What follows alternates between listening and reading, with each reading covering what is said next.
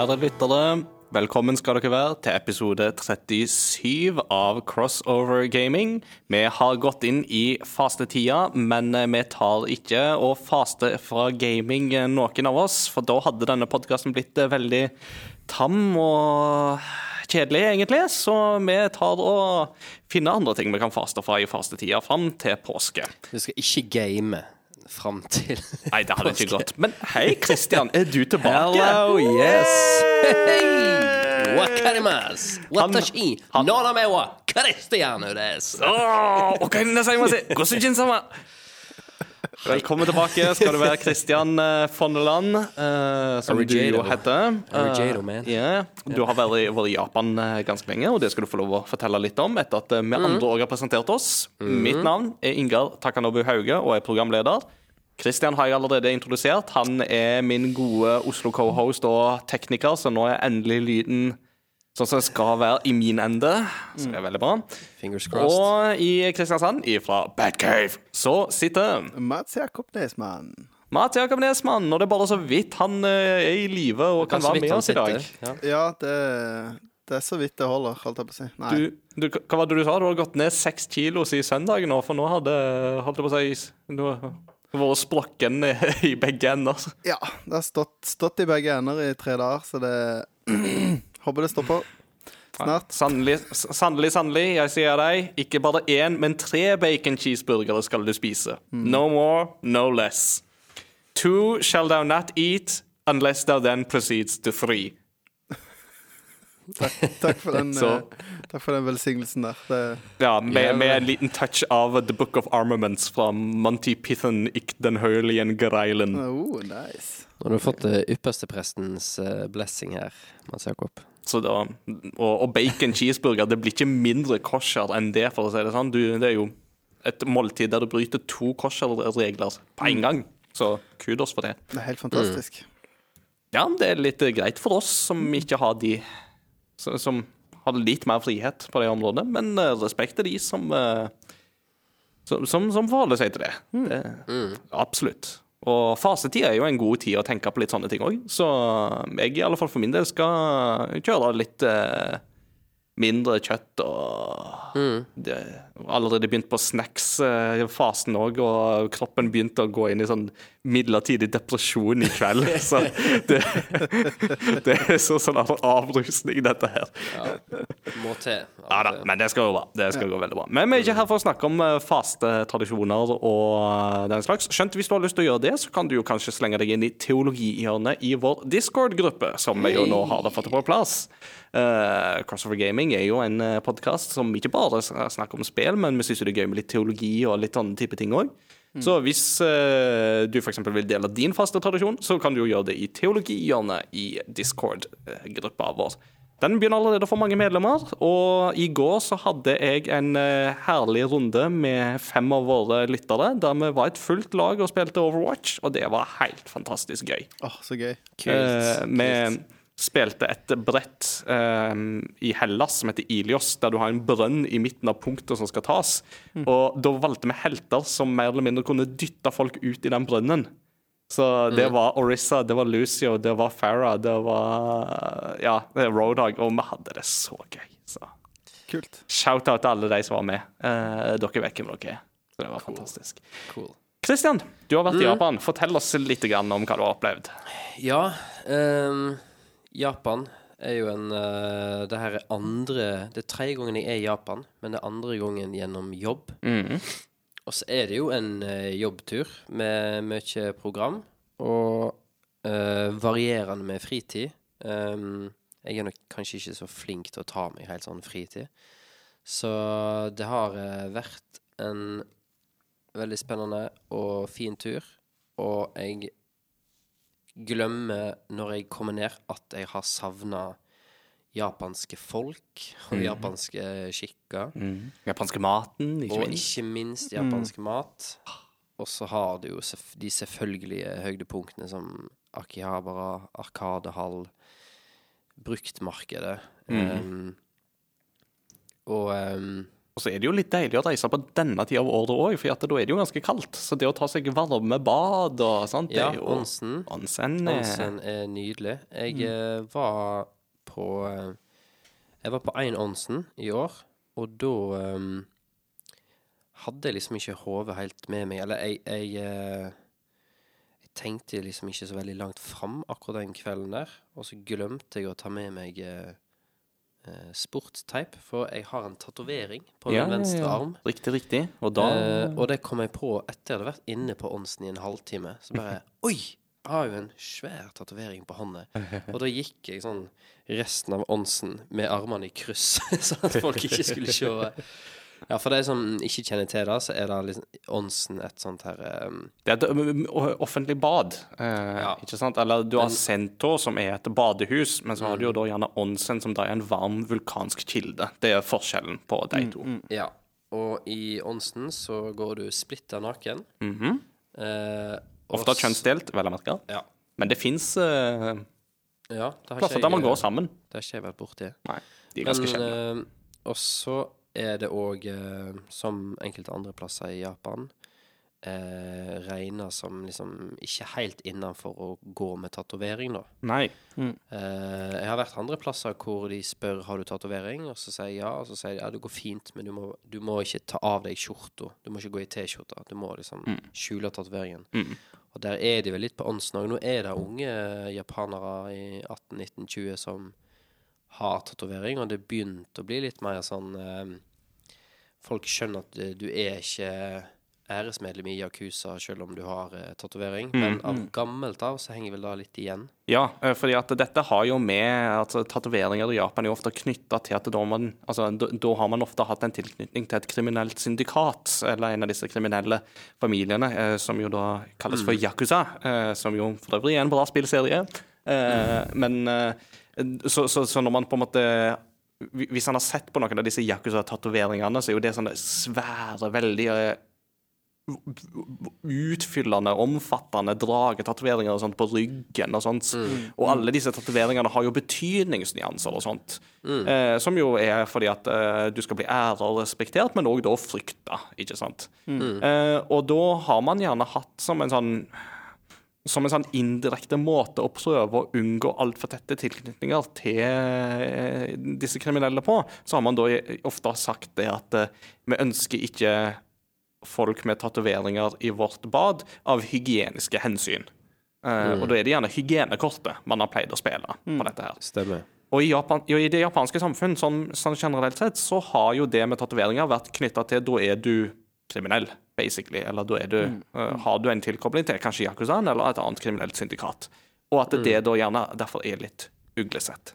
Altså, når jeg Vent, skal vi eh, se. Ja. Nei, eh, når jeg, jeg hadde Når jeg var i Japan, så, så forberedte jeg meg skikkelig til å dra i Johnsen og full sportsteip og full pakke. Og jeg har én ikke så veldig stor tatovering på armen, men jeg jazza på med sportsteip og var skikkelig forberedt. Tenkte jeg skal ikke bli kasta ut. For første åndsen vi gikk i, der sto det liksom svær plakat utenfor 'No, no tattoos'. Mm. Uh, og eh, så kommer vi inn, og jeg har teipa opp armen og jeg er skikkelig nysgjerrig på og egentlig litt spent på om de blir liksom Ja, hvorfor har du teipa armen din sånn? Så kommer jeg inn, og første mannen jeg møter, han hadde sikkert 50 tatoveringer, og han hadde piercinger både her og der. Og så tenkte jeg sånn Ja, OK, det var ikke så farlig likevel. Og så leste jeg meg opp litt på nettet, og eh, japanske regjeringer, eller de som styrer i landet, de ønsker å på en måte At det får slutt på den assosiasjonen, da, og at tatoveringer er farlig. Sånn at eh, jeg leste at de faktisk betaler eh, onsen for å slippe inn folk med tatoveringer. At de, at de får s- sier sånn Ja, hvis dere slipper inn folk på tatoveringer, så får dere litt penger av oss. Eller de får en sånn støtt, tatoveringsstøtte. Eh, fordi at det, det har vært problemer med turisme, da. Og spesielt de åndsstedene som annonserer at det er helt greit med tatoveringer her, der er det ofte litt mer eh, eh, shady folk. Mm. Hvor det på en måte er Mm. greit. Mm. Eh, Ja. Mm. Skjønner. Mm, så det er en crash course i ja, Japans eh, holdning, eller den tradisjonelle holdninga til tatoveringer, og hvordan de da er i endring. Ja. Men uh, alt i alt en fin tur. Tre uker. Vi kjøper oss sånn her eh, eh, JR Pass, sånn at Ja. vi kan ta den her uh, Shinkansen, det her lyntoget, Mhm. Bullet Train. Og da kommer du deg jo overalt i Japan på rekordtid. Mm. Så eh, det er jo en eh, tur hvor vi både er i Tokyo, Kobe, Osaka, Kyoto, Hiroshima, Matsue. Mm. Noen elever var igjen og reiste til Nord-Japan. Oh. Sapporo og Sendai. Oi. Og um, ja, så um, Alt i alt en veldig fin tur, men jeg har allerede begynt å glemme ting fra turen. føler jeg. Det er viktig å skrive ned litt underveis på disse turene, faktisk. Det, Der har elevene vært flinkere til å skrive logg. Det det har bra. vært en del av deres oppgaver. det er bra. Det er bra. Men eh, lærerne glemmer det, glemmer det ut med en gang. Ikke sant. Mm. Men Ja. har det hatt det bra Ja. mens, eh, imens? Ja, jeg håper jo du har hørt på episodene våre mens uh, Jeg har ikke fått hørt siste, faktisk. Nei, nei, nei, da har du litt å catche up. Uh, Shout-out til Eirik, som Eirik. gjorde en fantastisk jobb med å komme til oss og snakke om Dragon Quest. Og ikke bare én gang, men to ganger, Fordi vi måtte jo ta opp den episoden på nytt. Eh, nå kom jeg plutselig på en ting som jeg spurte om. Kan jeg få lov å si det her på podkasten? Okay. Og når du sa det navnet der, Ja. da slo det i bjella. Okay. Uh, fantastisk, altså. Uh, I forgårs så satt jeg på jobb, og så skriver jeg en mail til en festival for skolen. Eh, et spørsmål om jeg kunne komme der og ha en stand i sommer. Og så, eh, med vennlig hilsen Kristian og alt det her eh, formelle. Og så sendte jeg. Så gikk det en time, og så kom det et svar.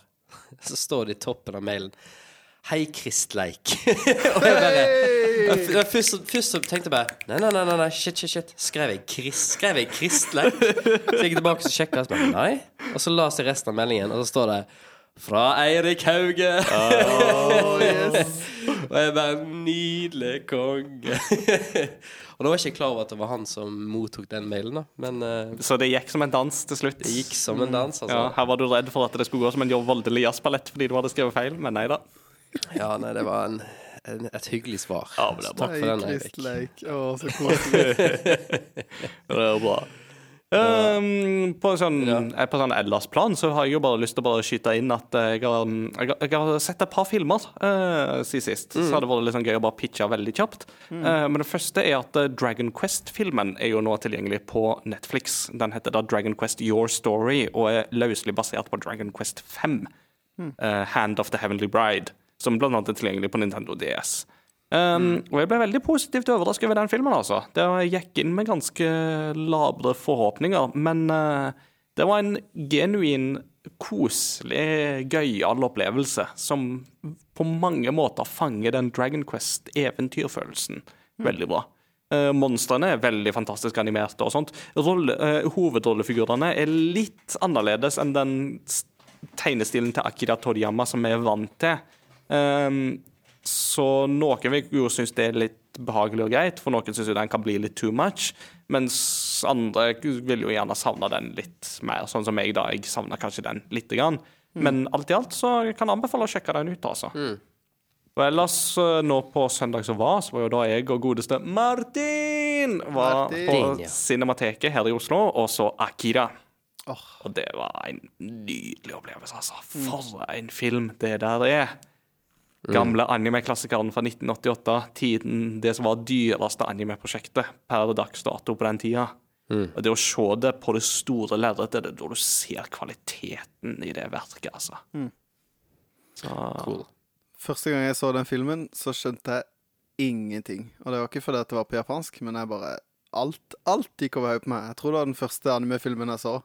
Mm. Og bare Jeg, jeg bare forsto ikke hva som skjedde. Det var Nei. Det eh, Altså Det kan hende bare er dum, men men, eh, men den er litt sånn Den er jo litt sånn eh, På face value så er den jo litt sånn fjern.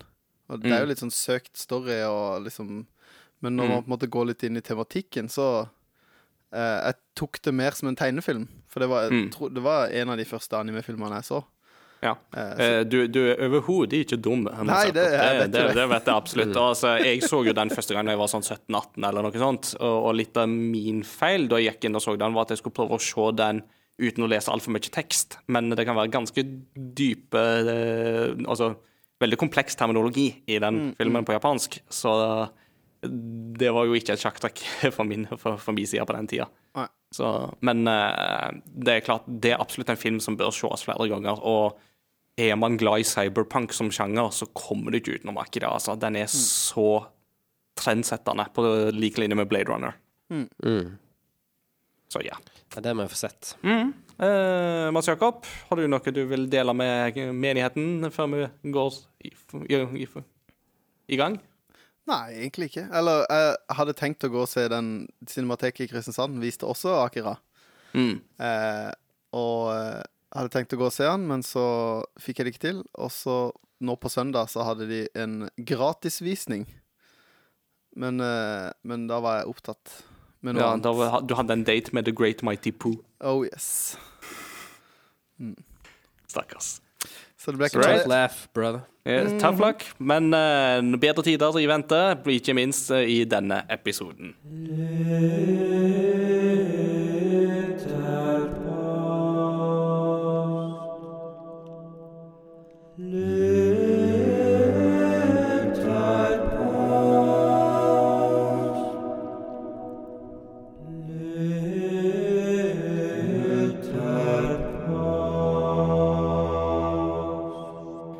Det er tid for lytterpost, eh, seksjonen der vi hører litt ifra våre lyttere. og Stiller de et spørsmål på vår Facebook-side og Discord-gruppa.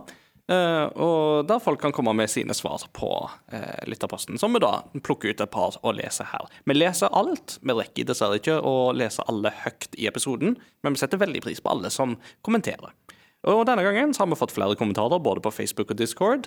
eh, Og spørsmålet var kort og godt hva er det vakreste spillet du vet om? Eh, Jeg tenker jeg kan like gjerne gå i gang med veteranen Åsmund. Åsmund sier da er det på tide med Åsmunds hjørne. Åsmund Det var forsøk på vignett der, altså. Sorry at jeg ikke joina. Nei, ja, vi må få en sånn trestemt eh, Sega-tone der, eller noe sånt. Men jo, eh, vi har jo da spurt eh, lytterne eh, om hva det vakreste spillet de vet om, og Åsmund skriver jeg må nevne flere. Ori and the Blind Forest er kanskje det vakreste spillet jeg har prøvd. Et utrolig bra soundtrack, og designet på spillet er ren kunst. Må også nevne flere av spillene til That Game Company, som Journey og Sky Children of Light. Det syns jeg var veldig veldig gode svar. Så absolutt. Så det var Det, det må vi ta med. Mm. Absolutt. Um, skal vi se uh, Jarl Håkon. Han skriver hmm, Etter mye tenking så må jeg nå konkludere med at etter å ha tilbrakt over 200 timer i Breath of the Wild, så syns jeg fortsatt det er et helt nydelig spill. Det er gode ord, det. Ja. Mm. Det er, jeg, jeg, du har pluss én på den. Ja. Absolutt. Pluss tre på eh, den, kanskje. Ja, jeg tror det. Og det, akkurat det spillet var en gjenganger i svarene òg. Mm. Eh, og vår kjære Eirik eh, Ramsli Hauge skriver Avslører kanskje litt uh, Avslører kanskje litt en serie som står mitt hjerte nær, men både Breath of the Wild og Wind Waker er fantastisk vakre. Husker første gang jeg spilte Breath of the Wild og kom ut av en shrine på toppen av et fjell akkurat da sola sto opp i horisonten. Nydelig.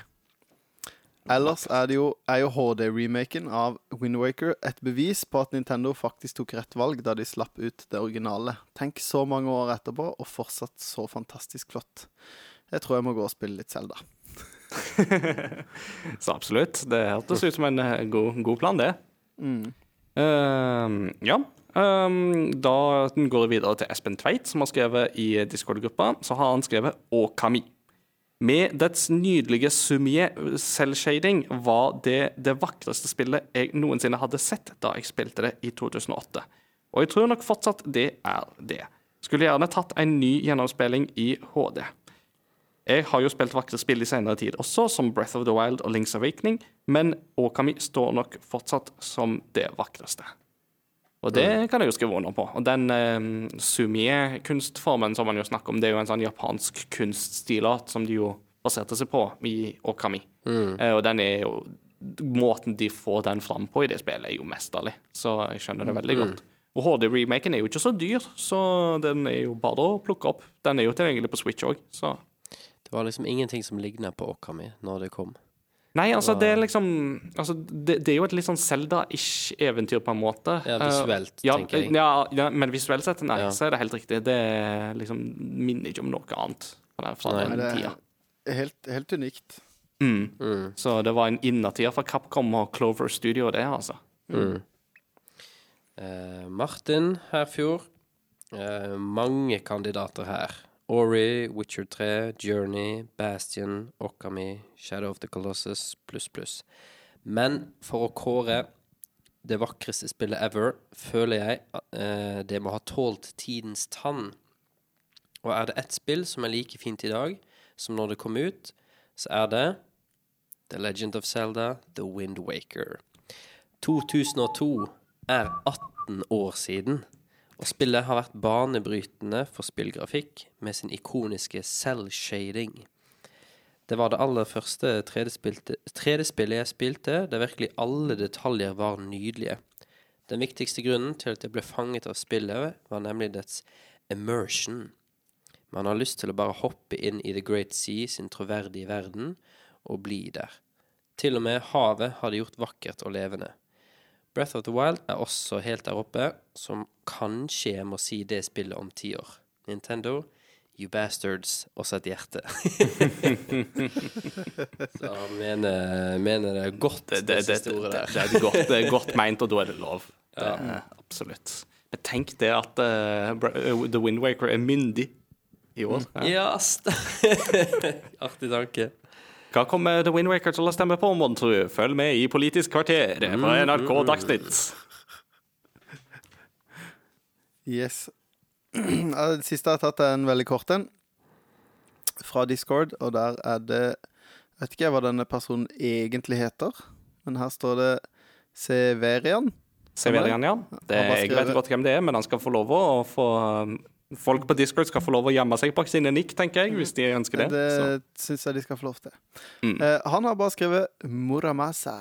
Ja, Muramasa The Demon Blade på Mm. Wii, og senere òg på PlayStation Vita, og litt usikker på om det kom på andre plattformer òg enn Vita, Mm. den eh, nye versjonen, men uh, uh, ja. Jeg, har aldri, jeg har aldri spilt det, men det, det Det er helt gorgeous, det spillet. Det er jo fra Vanillaware, de samme som lagde annet Dragon's Crown, eh, er de òg kjent for.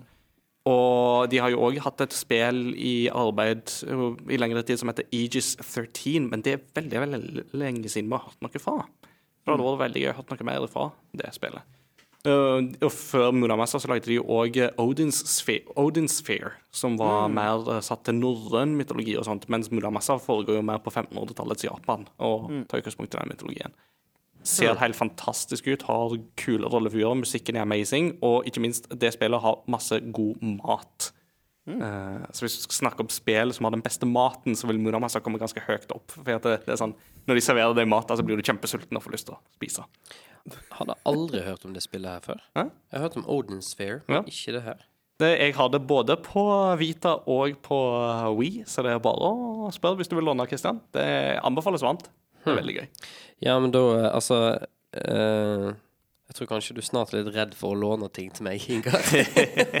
Ja, fordi du har rota vekk én film, så En Ghibli-film, så Ja, men, men eh, du, du, du har nå til gjengjeld òg fått veldig streng beskjed om at du skal mm, Men altså, folk som roter vekk ting, de må bare erstatte det. Så det går ja, veldig ja. fint. Vi finner en, eh, en løsning på det der. Finner en god løsning på det. Takk til alle dere som eh, sendte inn svar. Det setter vi veldig pris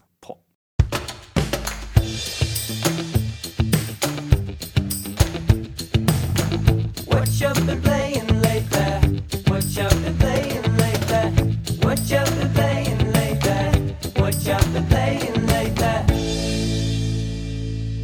What you been playing lately? Assassin's Creed Odyssey. Yeah, yeah, yeah, yeah, yeah, yeah, yeah, yeah. What you been playing lately? Assassin's Creed Odyssey. Bære mobb, bære opp. Jeg har, god- jeg har sjølironi. Jeg tar det som humor. Ja da, ta det som en dans. Ta det som en dans. Absolutt. Nei Det da, er, det er ment som mobbing, så jeg syns ikke du skal ta det så fint, altså. Det er, Kan ikke du bli litt lei deg, da? Nei da. du må, Eh, du må det- ta det ille opp. Det er ment Nei, nei jeg skal Nei. Jeg får ta det opp med HR-avdelingen. Disclaimer, Crossover Gaming does not support bullying. yeah. Unless you're playing bully. The video game. And yet, unless you're going for a platinum in Bully. Yes. uh, nei da, det er på tide å snakke om hva vi har spilt i det siste. Så Mats Jakob, mm -hmm. siden du jo har ligget på sjukeseng og sånt, eh, så tenkte jeg at du skal få lov å gå først. Jo, takk skal du ha. Uh, jeg har spilt ett spill, og det er Legend of Zelda Skyward Sword. Yeah, Heia. me too! Yeah. Jeg har spilt uh, Altså, snittspilletida mi de siste, den siste uka, halvannen uka, er ganske mye høyere enn den er resten av året. Hey, Sånn good at, for you. eh, Ja, nå er jeg uh, rolige 17 timer inn i Skyward Sword. Oi, oi, oi. Du kommer jo til å gå helt eh, ifra oss med tanke på uh, retrospillauget, som Ja. jeg jo skal begynne med. Men eh, nå eh, plutselig så har jeg ikke så mye tid igjen, så det, jeg tenkte jeg måtte tjuvstarte litt, sånn at dere, Mm, dere kan ta meg igjen. smart. Eh, og eh, det eh, spillet er kjempegøy. Jeg tenkte jeg skulle egentlig slå et slag for det inn på lytterposten, for jeg syns det var et ufattelig vakkert spill. Mm, Jeg liker artstylen, jeg liker eh, karakterene. mm. Um, eh, ja, jeg syns alt, alt er egentlig veldig fint. Og um, ting som jeg ikke tenkte på når jeg spilte det sist, eh, er eh, de, Eller jeg liker veldig godt de tingene de har på en måte å kalle det resirkulert fra eh, Twilight Princess. Mm. Um, for det, de har gjenbrukt eh, eh, en del ting som, som jeg syns fungerer bra, men så eh, så jeg en video som Det var noen på Discord som posta når det var snakk om det spillet her, om en som ikke er så fan av det spillet her. Og det er jo mm eh, for mange en kjent sak, men at det spillet er enten Det er liksom ikke noen sånn Folk er ikke lunkne på det spillet. Enten så liker de det, eller så liker de det virkelig ikke. Mm. Uh, og uh, jeg var jo all in på motion controls uh, når det var Når det kom, og uh, syns at når det her spillet kom, det var det første spillet jeg spilte med Wii Motion Plus, og da følte jeg liksom Da var det liksom Åh, åh, nå satt det. Mm. Eh, og det er jo langt ifra perfekt, men, men nå gjør han Nå er det ikke bare at jeg vifter for å trykke på en knapp istedenfor å trykke på en knapp.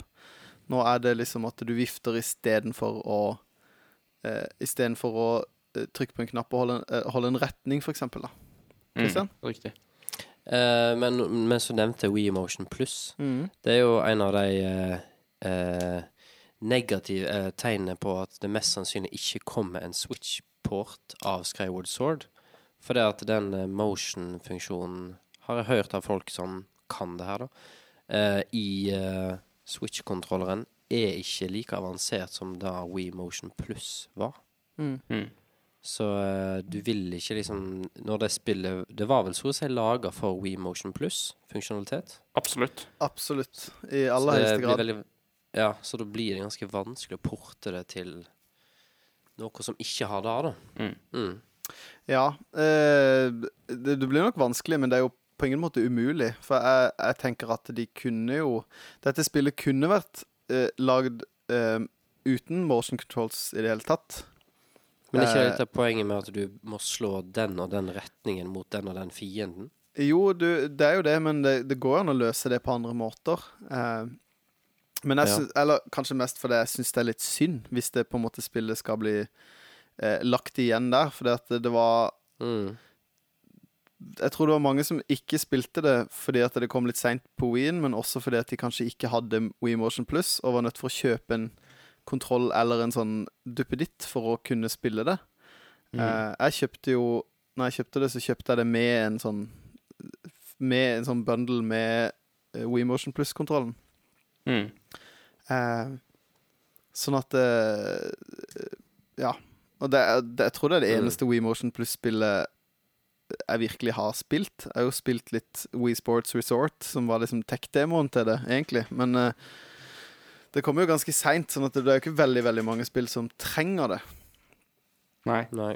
Og det, det- og det er helt sant som du sier, at det solgte jo vesentlig mindre enn Twilight Princess gjorde. Eh, jeg lurer på om det bare solgte halvparten. Eh, Ja. Det fins noen tall på det, men uh, rent salgsmessig så Altså, vi snakker jo fortsatt om milliontall, liksom, men sammenligna med tidligere Zelda-spill i serien som har vært større suksesser, som Ja. f.eks. Twilight Princess, så var jo ikke Skyward Sword i nærheten. Og jeg tror definitivt på at dette er et spill veldig mange gjerne skulle ønske å oppleve på nytt. Eller for første gang, for den saks skyld. Ja, ja. Og det også Storymessig så er det et av de spillene jeg syns har liksom mest, mest innhold. Det er veldig mye verdensbygging i liksom Zelda-universet i det spillet, så det er veldig Det er en veldig kjip ting å gå glipp av. Absolutt. Eh, og du blir liksom kjent med eh, Du blir jo kjent med på en måte den første linken og den første Zeldaen. Mm. Eh, så første Hero of Time og hele den Du får mye law rundt liksom eh, eh, gudinna og hvordan verden var i begynnelsen og eh, alle de tingene her, da. Mm. Ingar? Eh, Det var jo faktisk en av de tingene som jeg jo trakk spillet veldig opp for da jeg anmeldte det i Game Rector i sin tid. Det var vel eh, Jeg, jeg kikka litt i dag på det, for jeg måtte liksom tenke var dette det første spillet jeg ga ti av ti? Og svaret er ja, hvis du ser bort fra Ocarina of Time 3D på Nintendo 3DS. eh, så var dette det første spillet jeg ga ti av ti. Og en av hovedgrunnene til det var fordi at det spillet er så rikt på mytologi, på verdensbygging, på metafysikk, på Det er så masse du får i det spillet som bare på en måte sånn For folk som elsker den delen av Zelda-universet, nemlig den der med liksom å grave seg inn i mytologien og, og, og verdenen og metafysikken og alt dette her, så er jo dette en gullgruve av de sjeldne, og som de kommer til å ha det kjempegøy med, skrev jeg. Og det, og det står jeg innafor fortsatt, altså. Det, jeg står helt innafor den karakteren jeg ga det den gangen. Eh, men igjen så er jo det kanskje et poeng på, som vi jo snakker om, at enten så er dette et spill du virkelig liker, eller så liker du det virkelig ikke. Og jeg, jeg tror eh, en av hovedgrunnene er jo Det er jo ikke fordi at folk ikke liker law, og det er jo ikke liksom Det er jo ikke law-tungt. Eh, men det er mye mer law enn i mange andre Zelda-spill. Men, men det er jo den motion controllen som er, står i veien for folk, da. Og den er jo tidvis eh, Kan han jo være litt sånn irriterende så, for han gjør ikke akkurat det du vil til enhver tid, men eh, eh, Men han Det er ganske det er, Jeg syns det er ganske nærme. Men eh, bare det at han er noen enkle fiender kan plutselig bli litt sånn krevende i begynnelsen. Og at eh, etter hvert så innser jeg jo at det letteste er å bare gå opp og bare begynne å vifte. Og ikke prøve å tenke, for de beskytter liksom i retninger og sånn. Mm. Eh, og det Noen ganger så er det enkleste bare å begynne å vifte løs. uh, Button-mashing i uh, We-verden. ja, det er det. Og det, jeg føler meg jo ikke veldig skarp når jeg ligger uh, som en slakt i skinnstolen og vifter med en gullkontroll. Eh, eh, det, ser sikkert veldig dumt ut utenifra. Men, eh, Men det ser fortsatt bedre ut enn VR. absolutt. Absolutt. Men eh, nei, det er, det er et eh, Jeg merka det, det jeg har tenkt mest på, er at eh, Breath of the Wild, når det kom, så var det sykt stas. Og det er et dødsbra spill. Eh, men det er jo det er jo en helt annen type Zelda. Og jeg merker når jeg spiller det her nå, hvor glad jeg egentlig er i de lineære Zelda-spillene. Og at, Mm. eh, at veien er egentlig bana ut for meg i, i forveien, da, for å bruke kristen terminologi. Det er veldig mye ferdiglagte gjerninger. eh, men, eh, men, eh, men jeg liker det. Eh, og n- spesielt når det har blitt så mye åpen verdensspill, så er det sykt deilig å ha et spill hvor på en måte det er plotta ut en rute for deg, og så må du bare gå den ruta, og det er masse gøye puzzles. Og det er mye litt sånn originale eh, Quest items Mm. i det spillet her. Du får blant annet en sånn bille som du kan fly rundt med, og som kan Mm. plukke opp ting og slippe ned bomber og eh, Ja, du får en sånn blåsebelg. Det er veldig praktisk i ørkenområdene, men det er ikke så veldig mye Mm. praktisk alle andre steder. Men, men det er en del sånn gøye ting, pluss at uh, eh, Litt sånn som i Breath of the Wild, da. At du Det er ikke sånn at du Du kan få bomber før du får en bombesekk. Altså fordi det er bombeblomster og det er ikke sånn at alt, alt fås i en dungeon. Det er ikke rett fram sånn. Du kommer inn i en dungeon, halvveis så får du en ny item, og så klarer du resten av dungeon, og så er det en boss. Mm. De bryter det litt opp også, og alle Mm. dungeonsene er ikke sånn der uh, uh, det, er no, Noen steder så kommer du til en dungeon når du på en måte ifølge ifølge formelen ikke skal komme til en dungeon, og så er det på en måte Egentlig, Du skal egentlig et annet sted, men så måtte du ta en annen vei gjennom, og da kom du til en dungeon, og så plutselig så er du i en dungeon når du egentlig skal et annet sted. Og så, Mm. eh, jeg syns de bryter det opp nok til at det er spennende, da. Mm. Og så er det akkurat Det er lenge nok siden jeg har spilt det til at eh, jeg ikke husker alt. Og Mm. det er også litt gøy, men jeg husker Ja. mye, da. Det har vel eh, vært rykter for i etterkant til å ha det, de beste dungeonene òg, er det mange som sier på Mm. internettet.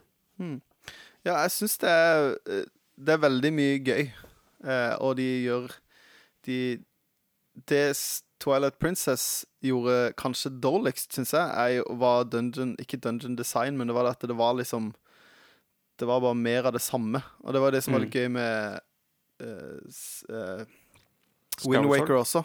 Ja, eh, var jo at det var ikke sånn uh, Å, nå kommer jeg til et nytt område, ditten og datten, men du kan egentlig gå hvor du Du kan på en måte komme deg til den øya, så skjønner du at du Så gjør du litt på den øya, og så skal du tilbake til samme øya, og så Ja. Nei, Mm. jeg kan eh, Jeg skal ikke rante mer videre på det her, men det, det er veldig gøy. Mm. Så bli med i Eh, Retrospillauget, dere som uh, har mulighet og lyst. Yes, og for de som lytter og som ikke har fått det med seg, Retrospillauget er da en kanal vi har i Discord-serveren vår, som er på en måte en slags leseklubb, eller en sånn bokklubb for spill. Der vi da har uh, satt opp en sånn spilleplan der uh, folk skal på en måte til første samling skal de ha spilt så og så lenge, til andre samling skal de ha spilt så og så eh, langt. Eh, og så skal vi møtes på jevne mellomrom i Discord-kanalen, og så skal vi diskutere liksom, våre opplevelser rundt dette. Litt sånn som Litt sånn som vi gjør nå, basically. Ha dere med på laget, rett og slett. Første samling der er 11. mars, eh, så innen den tid så er det bare å bli med. Nice. Så er Foreløpig så er det å med deg og Eirik. Eh, ja, men jeg lurer på om det er flere som har i hvert fall indikert at de har lyst til å slenge seg på. Så det Ja, kan godt hende at eh, det blir flere. Jeg har solgt et Skyward Sword og en WeMotion Plus-adapter til en av våre lyttere, sånn at hun, hun kan være med og spille. Nice. Dette er veldig, veldig bra. Det setter vi veldig pris på. Så det blir veldig gøy. 11. mars der, altså. Da blir det meetup i Discord-serveren vår. Eh, Mats Jakob, Sist gang så snakket du jo litt om dette her med at eh, ting var litt sånn blurry når du spilte på skjerm og sånt. Så hvordan Har du funnet noen bedre løsning på det, eller er det Ja. det fortsatt sånn? Eh, enten så har jeg bare vent meg til det, men jeg lurer på om, om spillet eh,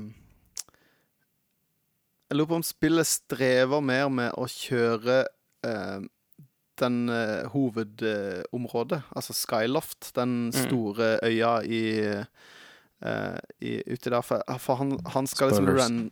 Hm? Spoilers, sa jeg bare. Oh, Men det, det var ikke Null spoilers. Nei, men, men der er det så mye han skal Altså, for det, det, den har ganske lang draw distance når det gjelder Mm. at du kan se øyer i, langt, i, langt i bakgrunnen. Og, Mm. så jeg lurer på om han strever med, med å kjøre der. Mm. Men så oppdaga jeg også at disken min er litt ripete, så det kan, kan ha noe med det å gjøre òg. Ja, Eh, ja det er riktig. Men eh, jeg vet ikke. Men eh, det, det blir bedre etter hvert, eller så har jeg bare vent meg til det. Jeg, Ja. jeg vet ikke hva det er. Mm. Eh, jeg fikk jo begynt på dette sjøl i går, eh, for Mm. å komme litt i gang med dette. Eh, og mitt valg var da rett og slett å spille det på Wii U. Eh, Fordi at med Ja. Wii U så er jo den kobla med HDMI til TV-en. Så da spiller jeg det faktisk på 65-tommeren.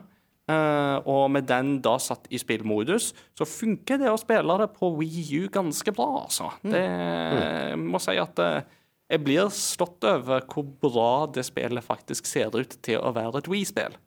Eh, og jeg syns jo at det er langt mindre kornete og diffust i grafikk og sånt enn det f.eks. Xenoblade Chronicles er, som jo er et annet stort spill fra litt samme tida på Wii. Eh, og som jo får den eh, Definitive Edition i år, som den absolutt føler jeg trenger, da. Eh, så, så, så, så, så langt så koser jeg meg med, med det, absolutt. Det er mindre corny. Ja, Mindre det er kornete. mindre kornete og mindre corn eh, som spiller i bakgrunnen òg, så Ja, ja. takk Men for lov. Uh, ja, jeg hadde nok spilt det på Wii U, jeg òg, hvis ikke min Wii U var på utlån. Ja. Ja. Mm. Men, uh, Eh, Alright. Nei, eh, men eh, da, spiller du det i 16.9-format òg, gjør du ikke det? Det er riktig. Ja, For jeg spiller det i 4-3, Ah, og det gjorde jeg ikke når jeg spilte det opprinnelig. Så jeg er litt sånn eh, Jeg vet ikke hvilket format det er, var tiltenkt. Det eh, er litt Hadde vært litt interessant å se. mm. Jeg føler iallfall ikke det er noe problem å spille det i 16.9. så Nei, du føler det ikke er strekt?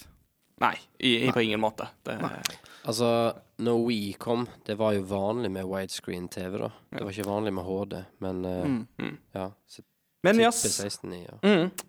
Men uh, nå ble det mye teknisk prat her, så vi får uh, gå videre. Og det skal vi tilbake til Ja, det skal, vi skal det. Mm. Uh, jeg kan ta litt om hva jeg har spilt siden sist. Um, Jeg hadde et spill sist gang som jeg lot være å snakke om, for jeg ville spare litt til denne episoden.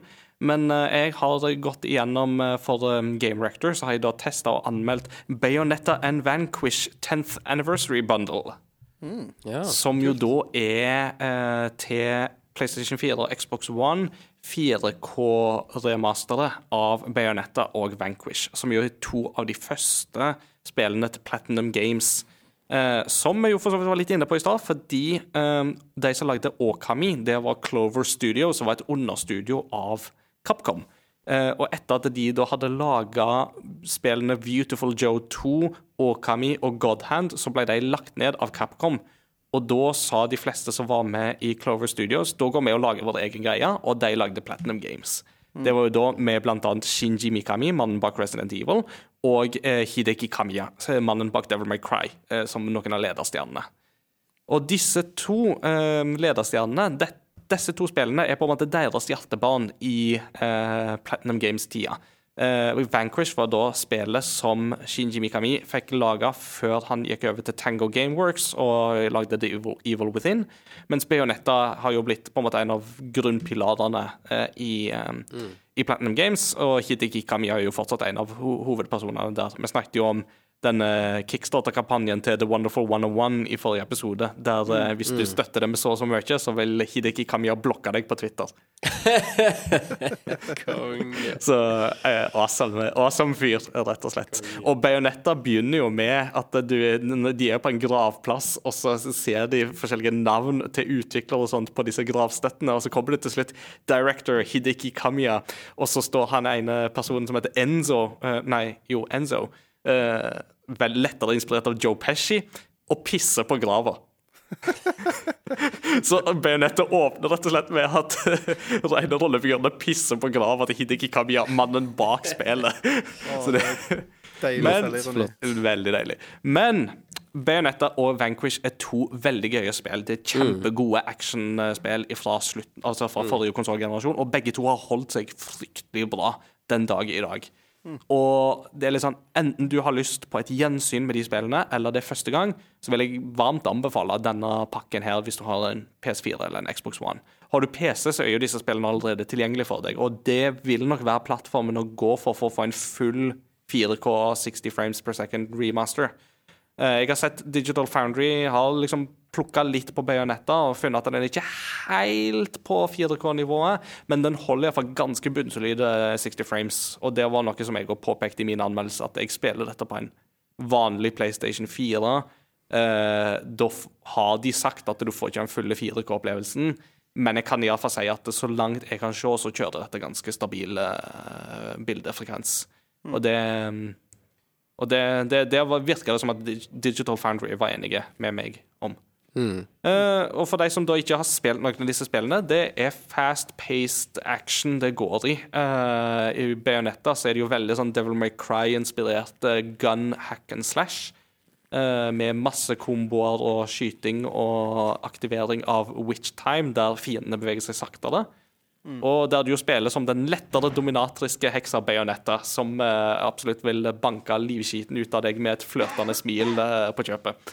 Eh, og som bare de, de bare nailer det. Og musikken er jo òg så awesome at jeg har sagt at vi må ha eh, en av hovedtemaene for spillet som pausemusikk. Eh, Vanquish er jo da mer det sånn gunplay, der du da har en, um, sånn exo, et exoskjelett som blant annet har sånne jetmotorer på seg, sånn at du kan bare vosj, suse langs bakken og så skyte på fiender og sånt. Så der, eh, det er jo en slags cover shooter, men der du egentlig ikke trenger å være så mye i cover, og at du bør på en måte bevege deg mye fram og tilbake mens du spiller. Og det exoskjelettet er jeg overbevist om at Guillermo del Toro er inspirert av da han lagde Pacific Rim, fordi de mm, pilotrustningene som Jagers har på seg i Pacific Rim, er kliss like som dette exoskjelettet i Vanquish. Så det kan godt hende. Men um, det, det er bare noe jeg alltid har tenkt, men jeg har aldri fått sett det bekrefta noen plass. Så tar jeg det med en klype salt. Manuset i Vanquish er møkkadårlig. Det har det alltid vært. De er så cheesy og så utrolig toxic masculinity, så de ikke har ellers noe godt i det hele tatt. Og Selv om du får det i 4K. så ja, selv om du får det i 4K. Og det, du har jo en sånn kvinnelig assistent som liksom står med kameraer og masse sånn Det er skikkelig sånn tech support-dame, basically, som hjelper deg fram og tilbake og sånt. Og det er sånn halvparten av shotsa som du ser av henne, det er sånn veldig nedenifra og oppover, og hun har på seg miniskjørt. Det er litt sånn oh, Really, come on! Det var sånn det der var ikke, det var ikke greit for ti år siden, og det er ikke noe greiere nå heller. Så det var sånn, jeg husker jeg irriterte meg da jeg spilte det første gang, sånn rundt 12-13-ish, og det har ikke blitt noe bedre, liksom. Men Vanquish er et litt sånn spill som er sånn Du må bare parkere hjernen din ved inngangen før du går inn, og sette deg ned med det. Og gjør du det, så får du en sabla gøy opplevelse, for det er et kjempebra actionspill Ja, den- som jeg egentlig ikke har funnet noe som på en måte klarer helt å matche. Den slow motion-gameplayet uh, der, Mm. som du får ofte, ser det ut som, ser jo nydelig ut. Ja, det er gøy, altså. Det altså. er kul gunplay i ja. der, altså. Og jeg tok jo litt sånn for moro skyld og boota opp PlayStation 3-utgavene av disse spillene, for å se hvordan det var. Eh, og det er en klar forbedring i forhold til de, så det er bare å gå for disse nye versjonene. Og Bayonetta er jo notorisk kjent for å være en av de dårligste portene fra den konsollgenerasjonen.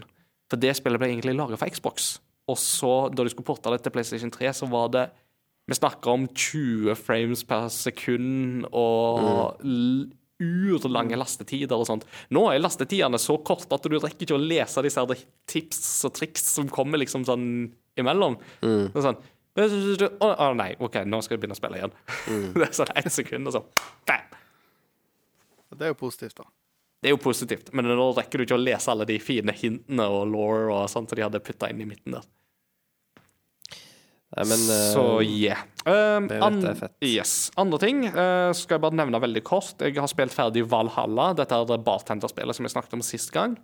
Og i forlengelsen av det så har jeg begynt på et eh, annet indiespill som heter Coffee Talk. Som er litt i samme gate, bare at nå er du en barista i Seattle. Uh, og der tvisten er at uh, vi er i en verden der det bor alver, mennesker, orker uh, og mm, alle varulver og vampyrer. Alle bor liksom i samme verden. Men ellers er det liksom Seattle sånn som vi kjenner det. Uh, og så er det stamgjester som kommer, og så vil de ha sine drinker, og så må du mikse litt kaffe og litt sånne ting. Litt mer på en måte Litt Altså Valhalla kan på en måte av og til gå innom litt sånn på en måte kontroversielle tema og være litt sånn edgy i språk og sånne ting. Coffee Talk er litt mer på en måte vennlig og litt mer allsidig for alle, men du merker at det blir litt kjedeligere eh, samtidig òg. Og musikken er ikke like god heller. Så. Ja.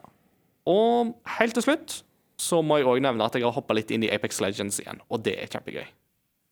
Det, um, jeg hadde en runde blant annet på søndag der jeg spilte to timer, der jeg ble champion på første kamp. Så det var gøy. Og så ble jeg champion på siste kamp, eh, eller en av de siste kampene. Så på under to timer så ble jeg champion to ganger, og jeg husker at det tok meg fryktelig lang tid før jeg ble champion første gang i det spillet, og der det tok ganske lang tid til jeg ble champion igjen. Så det var Det var stas, altså. Apex er fortsatt konge. eh, vil du ha et tips? Ja. Eh, slutt å spille Apex Legends nå, og da ga du deg på topp. så slipper du en sånn eh, Ja. Never. periode Nå, uten- nå, nå skal jeg begynne e-sportkarrieren min. Ja, ja, ja. Oh. Permisjon ifra jobb, og så satser fullt.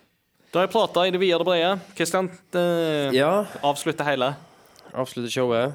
Speaking of eh, hoppe inn igjen, eh, og Martin Martin! Så eh, har eh, sendte Martin en melding her om dagen og spurt om jeg hadde Overwatch på PC. Og så sa jeg ja, det har jeg, men jeg har ikke spilt det så mye.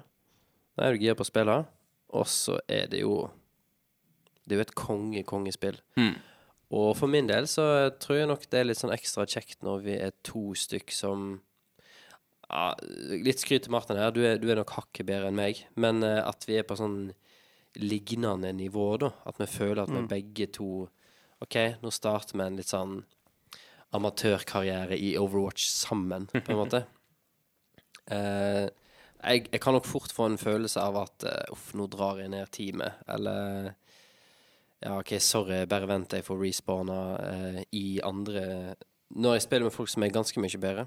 Så mm. det har vært en ganske fet gaming session. Eh, og um, et spill som jeg satte meg ned for å spille her om dagen, som OK, litt snikskryt her. Husker du jeg nevnte den her psycho-bossen i Sekiro? Som jeg tok på andre forsøk? Ja. Ja. Jeg satte meg ned her om dagen for å spille et annet spill som er kjent for å være ganske vanskelig, som jeg hadde spilt litt av før. OK. Og det er et rogelike-spill.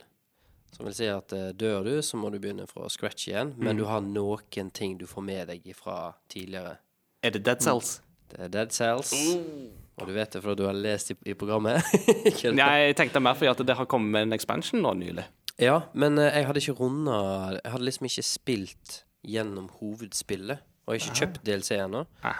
Men uh, så satte jeg meg ned uh, nå i forrige helg, så var jeg hjemme hos mine foreldre. Og da uh, satte jeg meg ned og skulle spille det. Og da en, jeg har en svoger hjemme som òg er glad i å spille, som har Switch. Som satt og spilte Dead Cells, han òg. Han òg hadde begynt å ta det opp igjen. Hadde spilt en del, og det er jo et vanskelig spill. Og så la han seg litt tidlig en kveld. Og, men da var jeg liksom på en sånn god run, for da hadde jeg kommet forbi første bossen. Og så kom jeg til et nivå som er liksom Her har jeg aldri vært før. Herifra og ut så veit jeg ikke hvordan spillet ser ut, eller hvor lang tid det tar. Så satt jeg og spilte i to timer. Så plutselig får jeg en cutscene, og så begynner jeg på nytt. Mm. Og så bare Hæ? Har jeg runda Dead Cells? Og så hadde jeg tydeligvis fått kjempebra utstyr på den runden der, for at jeg tok to tredjedeler av spillet på første forsøk uten å ha, ha toucha det før. Oi. Og så bare wow. Men så fant jeg ut dagen etterpå at uh, siste bossen er visst patcha ganske mye lettere nå, da. Men, uh, men uh, det var en litt sånn fet uh, Fet um, gameropplevelse. Hashtag den følelsen. Ja, da følte jeg meg litt sånn Fikk litt den der uh, sekker og uh, vanskelig boss på andre forsøk-følelsen Nice. igjen. Så det var veldig gøy. Og det er et eh, veldig, veldig bra spill. Det har en eh, Jeg tror du, eh, Mats Jakob, eh, hadde likt det veldig, for det har en veldig sånn eh, sjarmerende 8-16-bit-stil. Mm. Kult. Um, og så må en liksom OK, liker en den sjangeren, eller syns en den sjangeren er helt forferdelig. Det er litt sånn elsk-hat-forhold, tror jeg. Mm. Mm. Eh, og så, eh, som jeg nevnte i mitt eh, nydelige reisebrev i Mhm. forrige episode, så har jeg òg eh, gått til innkjøp av Astral Chain. Astral Chain! Yes. Og eh, det har jeg spilt en del av. Mm. Det òg er jo Platinum Games. Ja, og det er Jeg husker når jeg så Digital Foundry sin analyse av Astral Chain, da sa de at uh, det er ganske imponerende hva Platinum Games har fått til. For Platinum Games er liksom kjent for å være et 60 frames eh, studio, Mm. men når de bestemmer seg for å gå for 30 frames istedenfor, og liksom gå all in på OK, hva for en overhead gir det oss uh, til å gjøre andre visuelle ting? Mm. Og det er jo et ganske stilrikt eh, spill, det der. Det er så kul artwork i det spillet. Mm. Men jeg har ikke fått spilt det så veldig mye, for det at uh, det, er jo, det er jo galskap.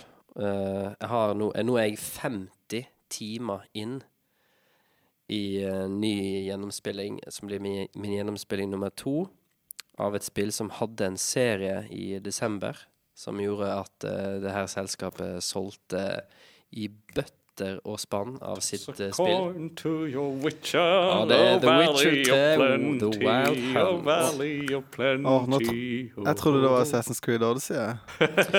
Speaking of kan, kan jeg bare ta en uh, side note her? Ja, vær så god. En av de få problemene jeg har med den serien, er syngingen til den karakteren. Mm. For at måten den karakteren synger på, som er, som er litt sånn Det er litt sånn Han driver og creed-kødder, og creed-kødding er en eh, 2010-ting. Det er ikke en 1400-tallet-ting. Og akkurat der så bryter de, eh, bryter de den fjerde veggen på en litt sånn kjip måte. Uh, ja, det er det eneste jeg har å si om akkurat det der. Men, uh, men uansett, da. The Witcher. Det er helt sjukt at det fortsatt er så sinnssykt bra. Og når vi kommer tilbake til det senere når vi skal snakke om grafikk og teknologi, men at det fortsatt knuser ting som har bra grafikk å komme ut i dag, Ja. er helt eh, Altså, Cyberpunk Jeg gleder meg så vanvittig til det spillet. Men det føles ut som et spill som fint kunne kommet i 2020, og føltes nytt og solid og kjempebra. Absolutt. Og mm. Både når det kommer til gameplay, men ikke minst det visuelle. da Mm. Gøy ting om det er jo at The Witcher 3 har jo fått cross-saves nå, mm. med en ny patch. Så nå kan du laste inn eh, saves fra PC og spille på Switch, og motsatt. Det er veldig kult. Mm. Hadde du tenkt å nevne um, CD Projekt Red i kunngjøringa? Eh, jeg har ikke tenkt det, men vi kan godt gjøre det. Skal vi ta det nå? Vi kan godt ta det nå. De solgte jo, eh, som tidligere nevnt, eh, noen flere antall spill etter serien tok veldig av. Mm. Så de solgte hva De økte salget sitt med nesten 550% Som gjorde til at de nå er rangert som det nest mest verdifulle spillselskapet i Europa. Europa, rett bak Ubisoft. Og de har ganske få spill sammenlignet med Ubisoft. Ja, de har fire Fem spill har de. Ja. Tre de har- Witcher-spill. Gwent og Thronebreaker. Ja. Nei, det, det er gøy, altså. Yes. Nei, men eh, jeg tror eh, vi er klare for eh, en liten pause, kanskje. La oss, uh, la oss be Bajonetta kicke inn med 'Fly Me To The Moon', og så tar vi en pause.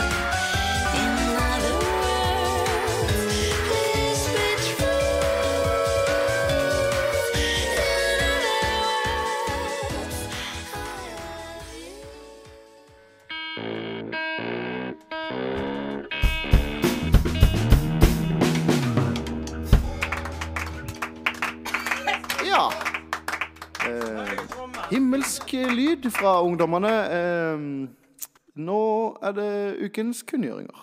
Og med det så er vi klare for eh, litt kunngjøringer etter å ha hatt en pause.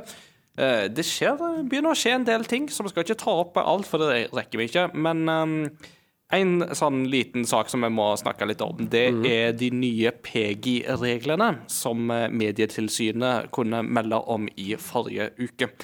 Eh, PGI er jo da det europeiske aldersmerkingsorganet for spill. Eh, og i Norge så er det jo ikke sånn at vi har, har vi jo kun veiledende aldersgrenser, så vi ser at folk kan ikke bli arresterte hvis de bryter aldersgrenser og sånt, men eh, det er jo uansett en veiledningstjeneste. Eh, en av tingene som jo PEGI merker spill med, det er hvorvidt de har gambling-elementer i seg, som la seg at visse spillet har gambling-elementer som poker, rulett eller blackjack, eller andre som simulerer virkelige uh, gamblingopplevelser, så har det blitt merka med et eget symbol, og så har det fått en 12 års aldersgrense. Nå har da Peggy bestemt at den alders- aldersgrensa skal bli heva til 18 år. Så det vil si at uh, hvis det kommer ut et spill som har uh, gambling i som, som simulerer real life gambling, f.eks. hvis det har et kasino som minner veldig om et ekte kasino, så vil aldersgrensen da settes til 18 hvis det får denne gambling-aldersmerkinga. Medietilsynet rota jo litt til å begynne med, for de begynte å tro at dette skulle ha tilbakevirkende kraft. Og det syntes jo veldig mange var litt sånn artig å øh, leke seg litt med tanken på at gamle spill som Super Mario og sånt skulle få eh, på DS skulle plutselig få 18 års aldersgrense. Det hadde uansett ikke skjedd, for de spillene ble ikke merka med den gambling-alders- øh, gambling mm. in the first place. Så det hadde på en måte aldri skjedd. Det samme ville jo ikke gjeldt Stardew Valley heller. Men et spill som ville f.eks. blitt omfatta av denne nye regelen, er Dragon Quest 11. Eh, for i Dragon Quest så er det jo, kan man gå på kasino og spille mer eller mindre ekte tilsvarende ekte gamblingspill. Og Dragon Quest-spillene har jo stort sett ligget på ei tolvårsgrense. Men det vil si at hvis Dragon Quest 12 ikke endrer på dette med, ved sin europeiske lansering, så ser vi på en 18-årsgrense på Dragon Quest 12, altså. Men dette gjelder kun sånn kasino-gambling-aktig innhold. Det gjelder ikke lootboxes og sånne ting. Som Nei, faktisk det er gambling. Ja, og det er jo det interessante her. Og det er jo her jeg eh, skrev en kommentar på Game Rector, der jeg tok litt tak i hele denne problemstillinga her. Fordi lootboxer er da ikke omfatta av denne problemstillinga, så Fifa vil fortsatt kunne kjøre på med Fifa Ultimate Team, som jo i praksis er så tett opp til gambling at det bør markeres som gambling, som jo var et um, prosjekt uh, Rune Menzoni fra Universitetet i Bergen hadde i fjor høst, der han brukte 31 000 kroner, var det vel, på et mm. prosjekt med å kjøpe eh, i, Fifa Ultimate Team. Så, men eh, det de jo sier, er jo det at lootboxer er en litt annen situasjon, og det jobber de jo med på et eget system og sånt, og det kan man jo forstå. Eh, byråkratiske prosesser tar alltid litt tid å finne de beste løsninger på ting. Men det da i mellomtida skulle gå etter denne type simulering av gambling uten at det involverer bruk av ekte penger, og stemple det med 18-årsgrensa, det mener jeg er en helt feil bruk av aldersmerkingssystemet. Um, jeg er jo veldig for aldersgrenser i utgangspunktet, men jeg er òg av den tanken om at aldersgrenser bør være rettferdige. De bør være realistiske. altså De bør gi et helhetsinntrykk som man kan forstå at denne aldersgrensa er satt. Eh, og så er det jo holdt på å si, folk som ikke følger disse aldersgrensene. Det får de ta opp altså, det får de ta på sin kappe. Men jeg tenker det at ved å sette unaturlige høye aldersgrenser, så skaper man en mistillit til aldersgrensesystemet, som ikke er gunstig. Fordi en aldersgrense skal i utgangspunktet være et gode. Det skal være en god hjelp.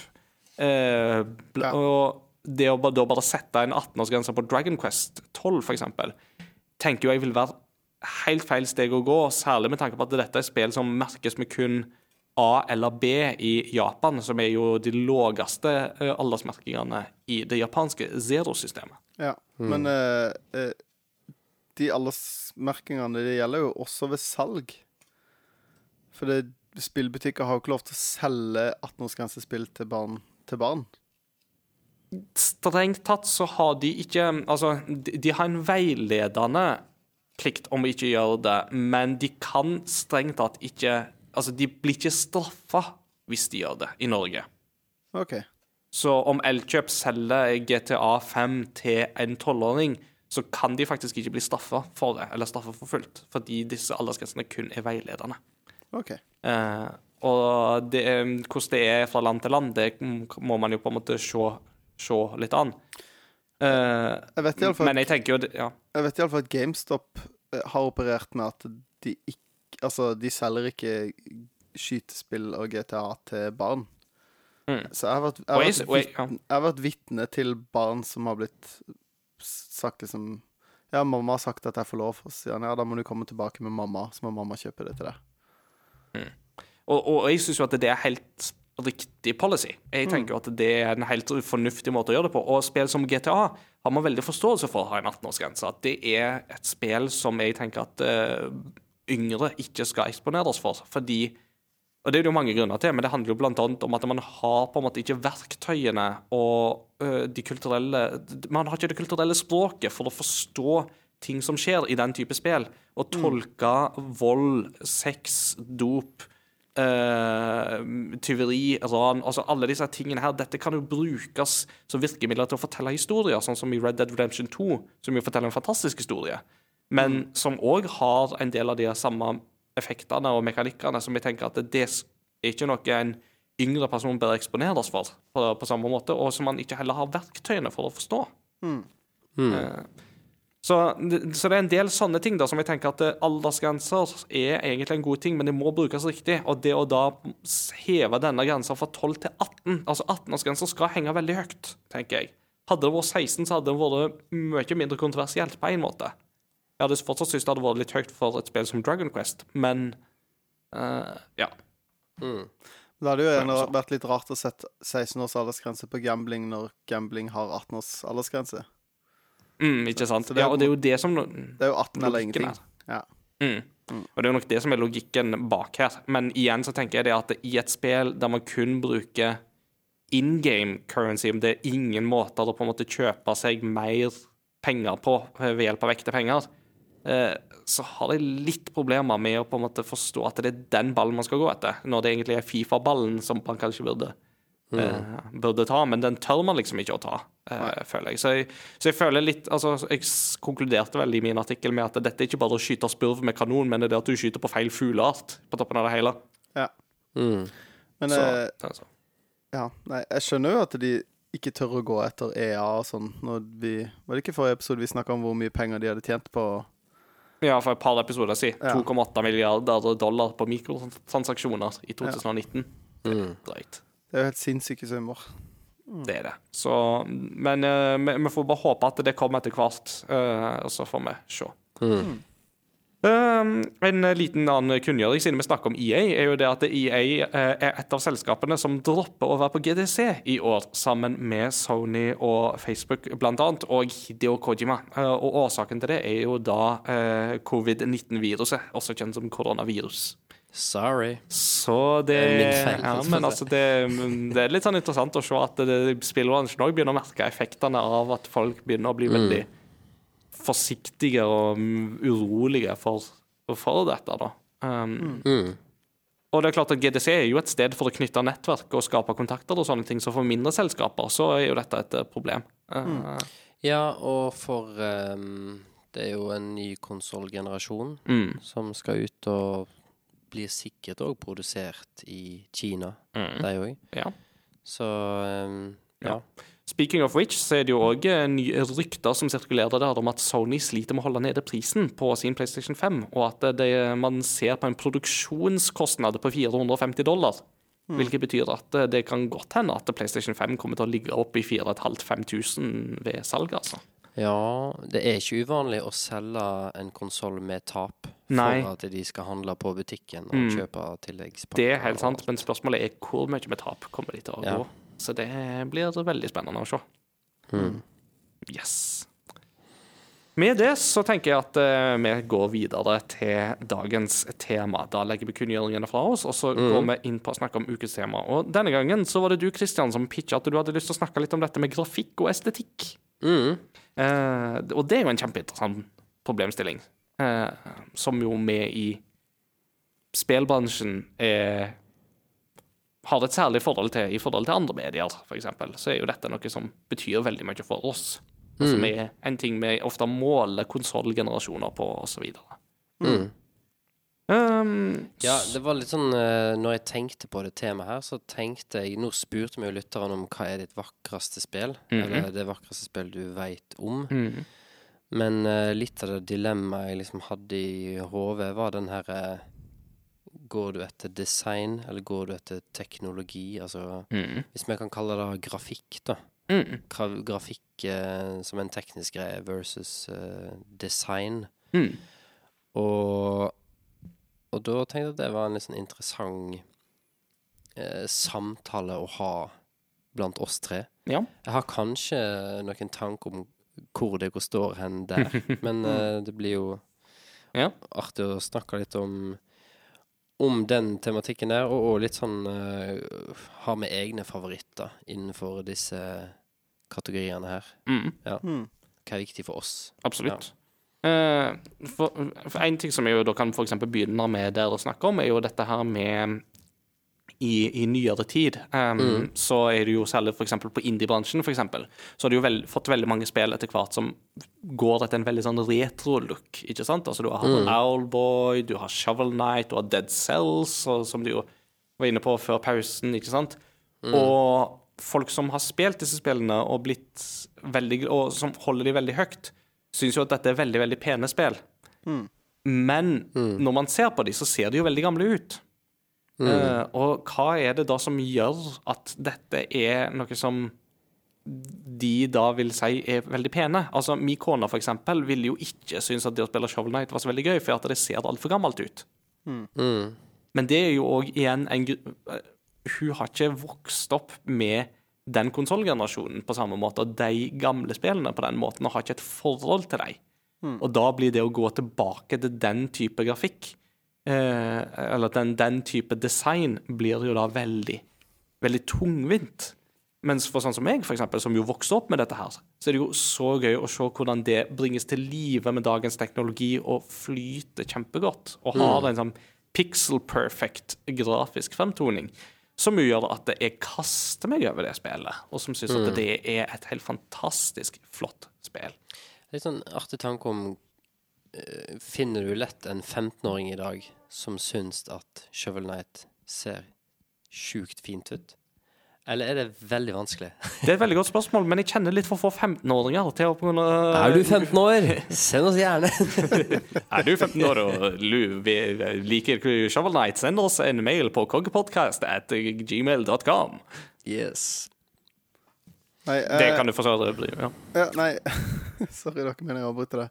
Men eh, eh, jeg tenker jo litt sånn der eh, man, man kan se på det på to måter, da. Man kan se på det som at eh, Se på det bare som ren utvikling, og at det er litt som Det er litt som en gammel eh, gammelt grafikkort, da. At liksom OK, nå er det kommet noe bedre, da er det andre Da er det på en måte det, Da bruker vi ikke det gamle mer. Eh, Eller du kan se på det som epoker, litt som i kunsthistorien. Du tenker jo ikke at en kunstepoke som kom før en annen, er dårligere fordi at han var før. Er du med på tanken? Nei. Ja, jeg er veldig med på den tanken. Eh. altså, det som jeg vil kalle for um, kronologisk um, Åh, hva er det det heter, da? Åh, eh, jeg skal tenke på det. Du må Ja. fortsette. Men at eh, hvis du ser på det som på en måte egne eh, stiler, da, eller sjangere med spill, ikke sant, du, og det er det jo blitt pikselspill. Og det er, vi har vi jo snakka om med indiespill òg, at eh, en av grunnene til at pikselspill er så populært i indieverdenen, er jo fordi at det er enklere å produsere. Eh, Og er mindre kostbart, og eh, krever mye min krever ikke like bra hardware som eh, å kjøre et spill eh, i 4K, 60 frames. Um, og jeg er jo eh, de- De fleste som hører på her, vet jo sikkert at jeg foretrekker jo design fremfor uh, teknologi. Altså, jeg syns jo det er viktigere at et spill er gøy å spille, enn at det ser bra ut. Eh, Begge deler er jo selvfølgelig det beste. Mm. Men eh, Men nei, jeg, jeg, ja, jeg tror på en måte det er litt sånn Jeg tror alle kan lære seg å sette pris på eh, Megaman 2. Eh, eller Shovel Knight, eller altså sånn. Men man må på en måte vite litt Mm. hva det er man går til, da. Når ikke det er på en måte det nyeste og feteste og det som ser mest ekte ut. Mm. Eh, ja, det er min tanke, iallfall. Mm. Ikke sant. Nei, og jeg er veldig mm, jeg kan, jeg kan jo være veldig enig i det. Det Uttrykket som jeg tenkte på, det var kronologisk snobberi. Eh, jeg tror det var C.S. Lewis blant annet som snakket om det i sin tid.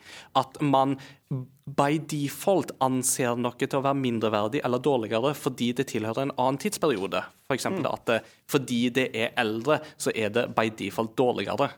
Mm. og Det kan man for bruke i alle slags anledninger, men et, et eksempel er jo for mm, i forhold til historie. Det er veldig fort gjort å tenke at eh, vi lever tross alt i 2020 er et gyldig argument for noe som helst, men det er jo ikke et gyldig argument for noe som helst, egentlig, for at det sier ingenting. Det er bare en form for kronologisk snobberi, ville da sies Louis sagt. At man by default tenker at eh, man lever i en nyere kronologisk tid, og dermed så er alt som er eldre, by default dårligere av den grunn. Men når det kommer til spill, da, så føler jeg at spill går litt sånn utenfor eh, den måten å tenke på. For det er ikke en ny periode med en ny type kunst. Det er en ny teknologi som klarer å produsere et bilde, bevegende bilde, som ligner mer på virkeligheten enn det forrige gjorde. Mm.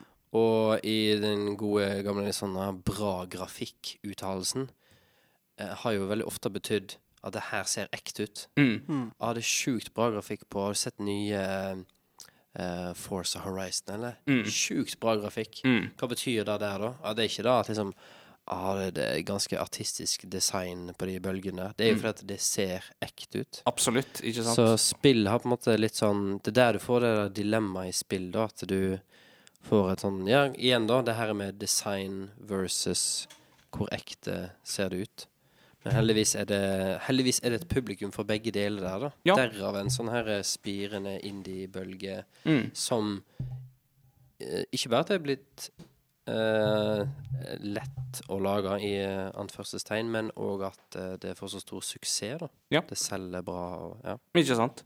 Og det, er jo, og det er jo en av de tingene som vi ser fram til for hver nye konsollgenerasjon. sant? Det er jo hvor How far can we push the limits nå? ikke sant? Altså hvor langt kan vi pushe teknologien nå til å få noe som Altså, fotorealisme er et litt sånt rart begrep av og til å bruke, men vi kan jo bruke det i denne sammenheng, fordi det er på en måte det Essensen i det ordet dekker jo på en måte det vi snakker litt om. ikke sant? Altså Hvor, hvor nært fotorealisme kan vi faktisk pushe dette? ikke sant? Altså Hvor ekte kan vi få ting til å se ut? Uh, og, og der òg er det jo klart at det, det skjer jo hele tida ting der. Og det, det å spille en god spillopplevelse som føles ekte på den måten der, har noe spesielt ved seg, altså. Eh, jeg kan jo trekke et par eksempler, og sånt, men altså, um, altså The Last of Us En av grunnene til at The Last of Us ble så bra som det ble, var jo fordi at det, mm, bruken av motion capture i det spillet var så banebrytende. At alt man fikk av bevegelser og dermed gjenskaping av disse figurene digitalt, var så realistisk. Og det er jo noe Ansiktsuttrykk mm, sier så utrolig mye Ja. om følelser. Nettopp. Og, Og det er jo det vi ser òg i The Last of Us Part 2-trailerne vi har sett. ikke sant? Altså Ja. Alt ifra uh, denne scenen som vi så på E3 for halvannet år siden, med Ellie og ei annen som kysser. ikke sant? Og det å bare se de detaljene i, i det kysset er så Altså, det er vanskelig å få til, altså. Det er kjempe... Det, det er så fort gjort å tenke at det er liksom lett å få til, men det er det ikke. Det er et detaljnivå som er på et helt nytt nivå, og som er litt sånn Det pusher grensene for, eh, for, for, for det teknologiske, hva man teknologisk sett er mulig å få til grafisk i dag, altså, og som er virkelig imponerende saker. Jeg har eh, ganske lenge hatt en sånn eh, jeg, jeg liker å spille spill i, i OK, hvis en kan pulle, eh, skille det, det her litt, da, i begge leirer. Altså den, eh, den litt mer eh, retro design og den som går for dagens mest realistiske grafikk. Mm. og måten jeg liksom opplever det, de to leirene der sjøl som spiller, er at de realistiske spillene, de setter jeg meg inn i med en gang. Det er liksom, det, det suger tak i meg med en gang, og bare Jeg er med, jeg er med. Alt som skjer, I am on board. Mens en, en retro eller minimalistisk eh, look eller veldig eksperimentelt design, det tar av og til litt tid. Ja. Og liksom, OK Okami, for eksempel, da, har jeg prøvd å spille i nyere tid. Det var ikke love at first sight. Det, det tok litt tid. ja. Um, Og, og jeg tror jo absolutt at dette har noe med hva som resonnerer i oss, sånn umiddelbart. Uh, et annet realist Altså For å ta et annet eksempel, sånn sett uh, Et av de spillene med veldig realistisk grafisk look av nyere dato, er jo Call of Duty Modern Warfare fra i fjor. Som jo ser helt amazing ut. Særlig hvis du får ting til å kjøre skikkelig med raytracing og det hele. Eh, Trace them race. når du skal infiltrere et hus i London på natta. ikke sant? Altså, det ser Ja. så amazing ut når du er både utafor og inne og alt sånt. Men allikevel så er det jo en ting der som gjør at jeg klarer ikke å gå helt inn i det spillet i utgangspunktet. Fordi en, jeg sitter med fordommer mot Call of Duty, men det er ikke helt min type sjanger heller med first person shooters in the first place. Mens Okami, som jo har blitt nevnt både av lytterne og deg her nå som et annet eksempel, var et spill som resonnerte med meg umiddelbart, fordi den estetiske designet som var tatt i der, resonnerte noe i meg som japanmisjonærbarn. Med at det var en kunststil jeg var kjent med, som ga meg gode assosiasjoner og konnotasjoner. Og som da gjorde at det var lettere for meg å sluke den, og dermed verdsette hvor bra den er brakt til live. Eh, mm. og, hvis- og, og, og, det, og, det, og det jeg bare ville fram til der, var jo det at eh, jeg tror at eh, hvorvidt disse her eh, som legger seg på en mer sånn estetisk design framfor den mer på en måte veldig fotorealistiske looken, eh, kommer veldig an på hvorvidt stilarten snakker til deg og resonnerer hos deg, eller ikke. Ja, jeg bare, jeg, men jeg tenker at du kan eh, Du kan komme der uten å ha det nostalgiske grunnlaget først, da. Mm. Men det tar kanskje litt tid. Så jeg er litt sånn spent på hvordan du hadde opplevd Dead Cells, for eksempel. Jeg syns jo Dead Cells var veldig gøy, uh, Ja. men uh, jeg datt litt av etter hvert fordi at det så, ble litt tøft, og det var litt lite story i Men- spillet. Ikke gameplay-messig, men som en visuell opplevelse, på en måte. Visuell opplevelse syns jeg det var veldig kult. Jeg likte veldig godt den looken på det spillet. Ja. Så jeg hadde ingenting å si på det. Men uh, en ting som jeg har eh, notert her Mm. i uh, sendeplanen vår, er om vi sjøl har liksom noen uh, personlige eksempel på disse to leirene, da. Altså den teknologiske opplevelsen av at wow, det her ser bra ut. Og mer den designbiten av wow, det her ser bra ut. Mm. Og hva Har dere noen eksempel der på hva som har truffet dere? Eh, har du, Mats Jakob, eh, noe du kommer på? Det er litt spennende å høre hva du tenker som teknologisk imponerende i, av spill du har. Ja, det Som du er tenker rett her og nå, da. Eh, ja, som, jeg spiller jo ikke så fryktelig mange nye spill, sånn at eh, eh, det- Jeg må liksom ganske langt tilbake før jeg tenkte at noe var tekno, altså teknologisk bra, da. Så du fikk den wow-faktoren. Ja, ja, og eh, jeg tror sist jeg fikk det, var Mario 64. Når det var bare sånn Shit, hva er det her for noe, liksom? Det var helt Ja, men det var jo, klassisk, det var jo virkelig teknologisk banebrytende. Det var jo Mm. noe helt nytt. Det var en helt ny sfære. Eh, og jeg, jeg tror vi aldri kommer til å oppleve sånne, sånne øyeblikk igjen. Fordi vi har på en måte Nå er det Vi har jo snakka litt om det før òg, men at liksom Mm. Nå går det på hvor pent kan vi gjøre det, men ikke liksom Eller hvor realistisk blir det, men ikke sånn Der var det jo liksom Hvor realistisk blir det når vi får det i 3D? Det, det er ganske Mm. stor det er veldig, vi er, Jeg føler vi er ferdig med de store overgangene i spill, da. Eh, Ja.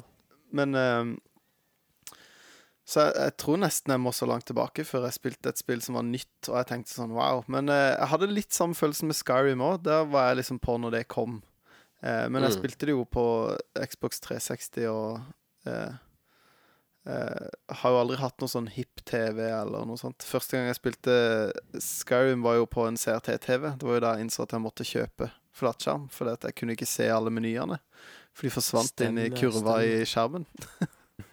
Eh, men nei, men på, på den visuelle biten så, så er det jo mange spill nå i det siste som jeg har tenkt sånn at jeg syns For eksempel, jeg snakka jo i det vide brevet om The Way, men eh, Mm. at de klarte å få den eh, De klarte å virkelig naile den der Amiga-tida.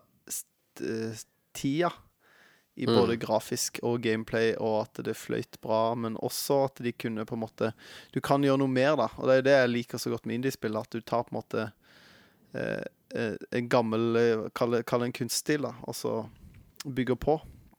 Mm. Samme med Owlboy òg, at du fikk eh, At du har et sånt spill, men du kan på en måte utvide eh, det visuelle da med, med bedre teknologi, med at du kan ha flere lag som scroller, og du kan ha liksom Mm. Det er mange mer ting man kan gjøre da med den teknologien. Eh, så jeg syns jo, jo ofte det er mer imponerende når de klarer å ta det og ta det et skritt videre, enn å, enn å bare få det til å se enda mer ekte ut, da. Ja, Mm. artig at du nevnte Owlboy der, og, og teknologi. Jeg husker jeg hørte et intervju med den gjengen der. I D-pad. Ja, Mm. eh, hvor eh, de sa at eh, de hadde prøvd Men det gikk ikke an å kjøre Owlboy på PlayStation 3. Nei. Og så der har du en sånn, en sånn retro-stil, men som er gjort såpass avansert Ja. teknologisk at han eh, Kjørte det Det er high-tech, på en måte. Mm. Og det har litt med det der Han eh, Simon, som er art director i Mm. Dpad, er så utrolig perfeksjonist på den der pixel-poleringa som ligger til grunn i Owlboy. Han er verdenskjent, han, som en eh, Han er det, altså. Han, han er det, altså. Og det Ja, for Alboy er En ting jeg har tenkt på i ettertid, er, altså, på en måte et, spilte det, og så spilt flere andre sånne spill, er jo hvor uttrykksfull uttrykksfulle de, de, eh, eh, de spritesene, altså pixelfigurene. Mm. Hvor utrolig Dans uttrykksfull eh, ja, ja, det òg, men bare hvor utrolig uttrykksfull Owlboy er som en sånn silent protagonist. da mm. Eh, og når jeg spilte jeg har spilt Selda nå, så er det jo Link står og vifter med armene og, og sier «Åh!» Det er liksom det eneste du får fra han da. Eh, Mm. Mens Alboy har liksom Der var de enda mye bedre på det. Å få liksom eh, det, det på en måte visuelle kommunikasjonen, da. Ja. Fra, Mm. Av følelser og det. Det, det, det syns jeg de fikk veldig bra til der. Mm. Du, eh, Ingar, altså hva, Ja. når en sier nydelig design, har Ja. hva, hva spill tenker du på da? Jeg, jeg syns det er interessant, som et par av våre lyttere har vært inne på, litt uh, for eksempel da med Wind Waker, som jeg syns er et veldig godt eksempel. Uh, jeg kasta meg over Wind Waker da det kom ut, og var liksom veldig på liksom, at dette er kjempeimponerende, og dette er på en måte en stilart som vil holde seg veldig lenge. og sånt, og de er bare sånn, ja, ja, men det ser ikke realistisk ut, og sånne ting. Men går man tilbake til de spillene fra 2002 i dag, eh, så vil du heller plukke opp The Wind Waker enn du vil plukke opp Fifa 2003, liksom. ikke sant? det er et godt poeng. Så, så, så, så, jeg syns liksom at det er et veldig vesentlig poeng her, da, med at eh, spill som ser, har den realisme, har absolutt noe for seg i den generasjonen når det kommer ut. Men det er, det er nok ikke de opplevelsene vi alltid vil sitte mest igjen med i etterkant, eh, som veldig imponerende, sånn sett. Eh, men jeg har jo hatt et par eh, sånne opplevelser likevel, der jeg har vært med på en måte med sånn Wow, dette er liksom den teknologien eh, som vi kan se nå. Og det jeg husker spesielt godt, det var da jeg var innom det som heter, en butikk som heter Platon i Bergen back in the day. Og s- så liksom en sånn butikkdemosak for GameCube, og de kjørte Rogue Squadron 2 på Ja. TV-en der. Altså Star Wars Rogue Leader, Rogue Squadron 2. Og my mind was blown. Fordi at det var liksom Rogue Squadron på Nintendo 64 var et spill som jeg elska, og som jeg hadde spilt kjempemasse. Og så fikk du dette, som var liksom enda mer. Og det var, det var jo som å se en X-Wing, liksom. Og det var liksom helt sjuke ting. Og det var sånn Er er det dette vi skal få nå? Det, det, wow! Liksom. Det var Det er liksom kanskje en av de gangene jeg har hatt mest sånn sjokkeffekt over hoppet fra en konsollgenerasjon til en annen, som jeg husker. sånn sett. Eh, men hvis vi skal snakke mer om på en måte spill med design, eh, som har virkelig imponert meg med liksom sånn, Dette er kjempeimponerende at de har klart å få til. Så er det jo flere spill ehm, Jeg har jo nevnt The Last of Us allerede når vi snakket om det med teknologi. Det vil jeg jo fortsatt holde på. da The Last of Us er jo kjempeimponerende sånn sett med tanke på motion capture. Og Death Stranding må jo òg nevnes i den sammenhengen der. Av og til da jeg spilte Death Stranding i høst, så glemte jeg nesten at det er ikke Mats Mikkelsen og Norman Reedus jeg ser på. Jeg ser på digitale rendringer av de. Men det, de er så like seg sjøl, og det er jo sånn wow. Og, ja. Eh, men for å gå til det med design, da, så har jo Åkami har jo blitt nevnt, og flere Zelda-spill har blitt nevnt, og pluss én på alle de. Det er jeg kjempeenig i. de. Mm. Andre spill som jeg vil trekke fram, er spill som f.eks. Valkyria Chronicles-serien, som jeg er veldig Ja. glad i.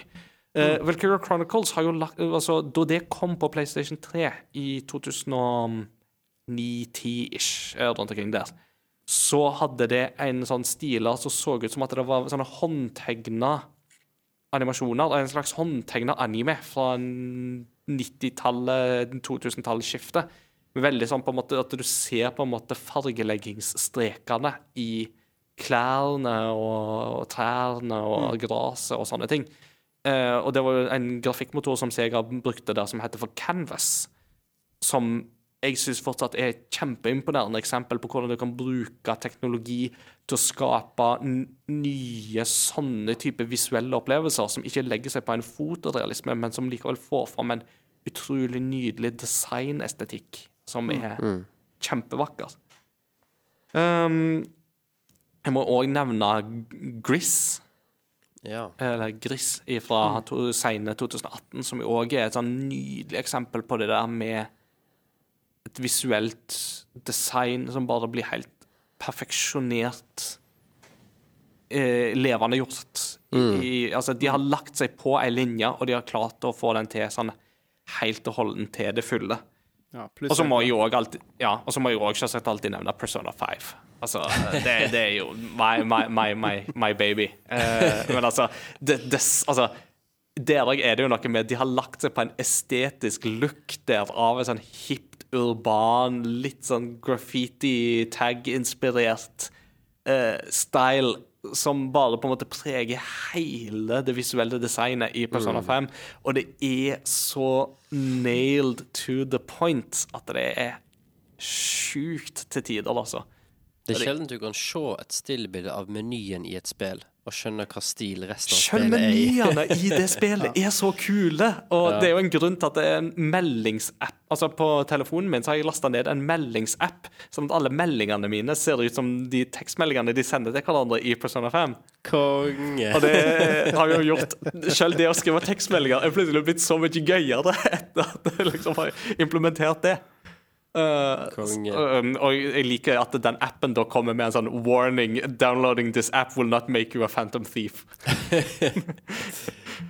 Nydelig. Uh, og så er det jo veldig gøy å se på raytracing-teknologien sånn som den er i dag, da, med tanke på For å pense det tilbake til teknologi, da. Control er jo Altså, Control er jo et spill som egentlig er for bra for denne kontrollgenerasjonen.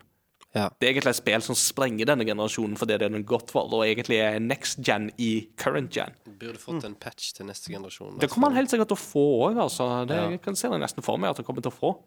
Eh, men ja, altså Og Modern Warfare har jeg òg nevnt allerede, ikke sant? så det er veldig spennende å se på hva, hva som kommer mer der, altså. Men eh, det at begge de nye konsollene støtter raytracing i en eller annen form, det, det er jeg veldig glad for, og det blir veldig spennende å se.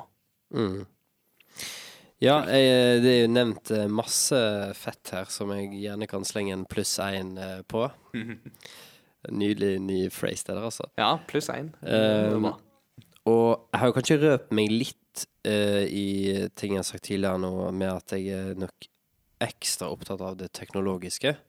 Men uh, når det kommer til designbiten, hvis jeg skal nevne et spill eller en serie som ikke er nevnt nå, eh, så er det faktisk eh, mobilspillet Monument Valley. ja.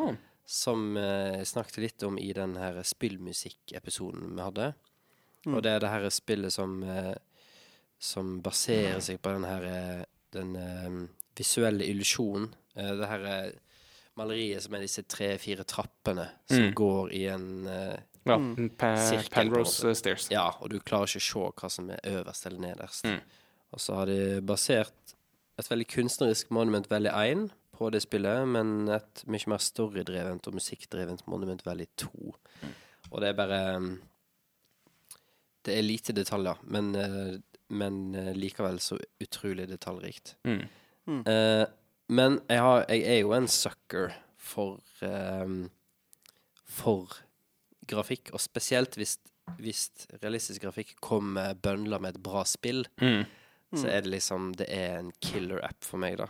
Og for å nevne noen der, og da eh, Jeg nevner gjerne en halv spoiler her nå, OK. i et spill som heter Red Dead Redemption 2. Mm. Uh, det, er, har, det er ikke noe story-spoiler, men det er en geografisk spoiler.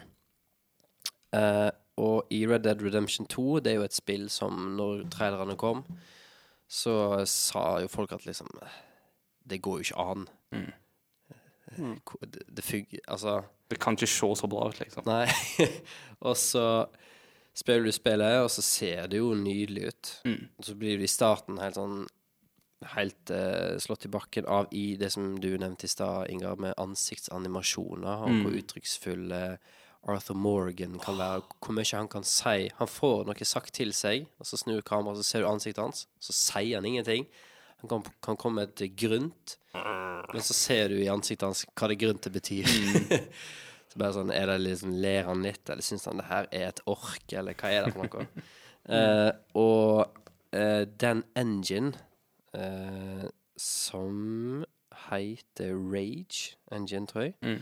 Eh, den får virkelig, virkelig knust nesten alt annet i bakken. Eh, når det er en scene hvor du eh, setter deg i en sånn luftballong, Ja, ja, ja, riktig, riktig. og så ferer du eh, over skyene. Mm. Så du, du har kanskje tenkt at eh, spillet blir ikke rendra utenfor det jeg ser. Jo da. Mm. For du kommer deg over skyene, og så får du et sånn nydelig, nydelig bilde hvor det liksom Det er et, et ganske høyt skylag, og foran deg er det litt klart. Der er det tett med skyer. Oi, der er det hull i noen av skyene. Hei, jeg ser bakken der nede gjennom det skylaget her. Og så har du bare en ganske sånn lang reise da med den her luftballongen, og det er helt sånn der eh, Jeg tror ikke det er noen annen motor som hadde klart det der. Nei. Og da blir jeg helt sånn Åh, det her er så fett. Absolutt. Eh, et annet eksempel som er bare tvers igjennom nydelig hele veien.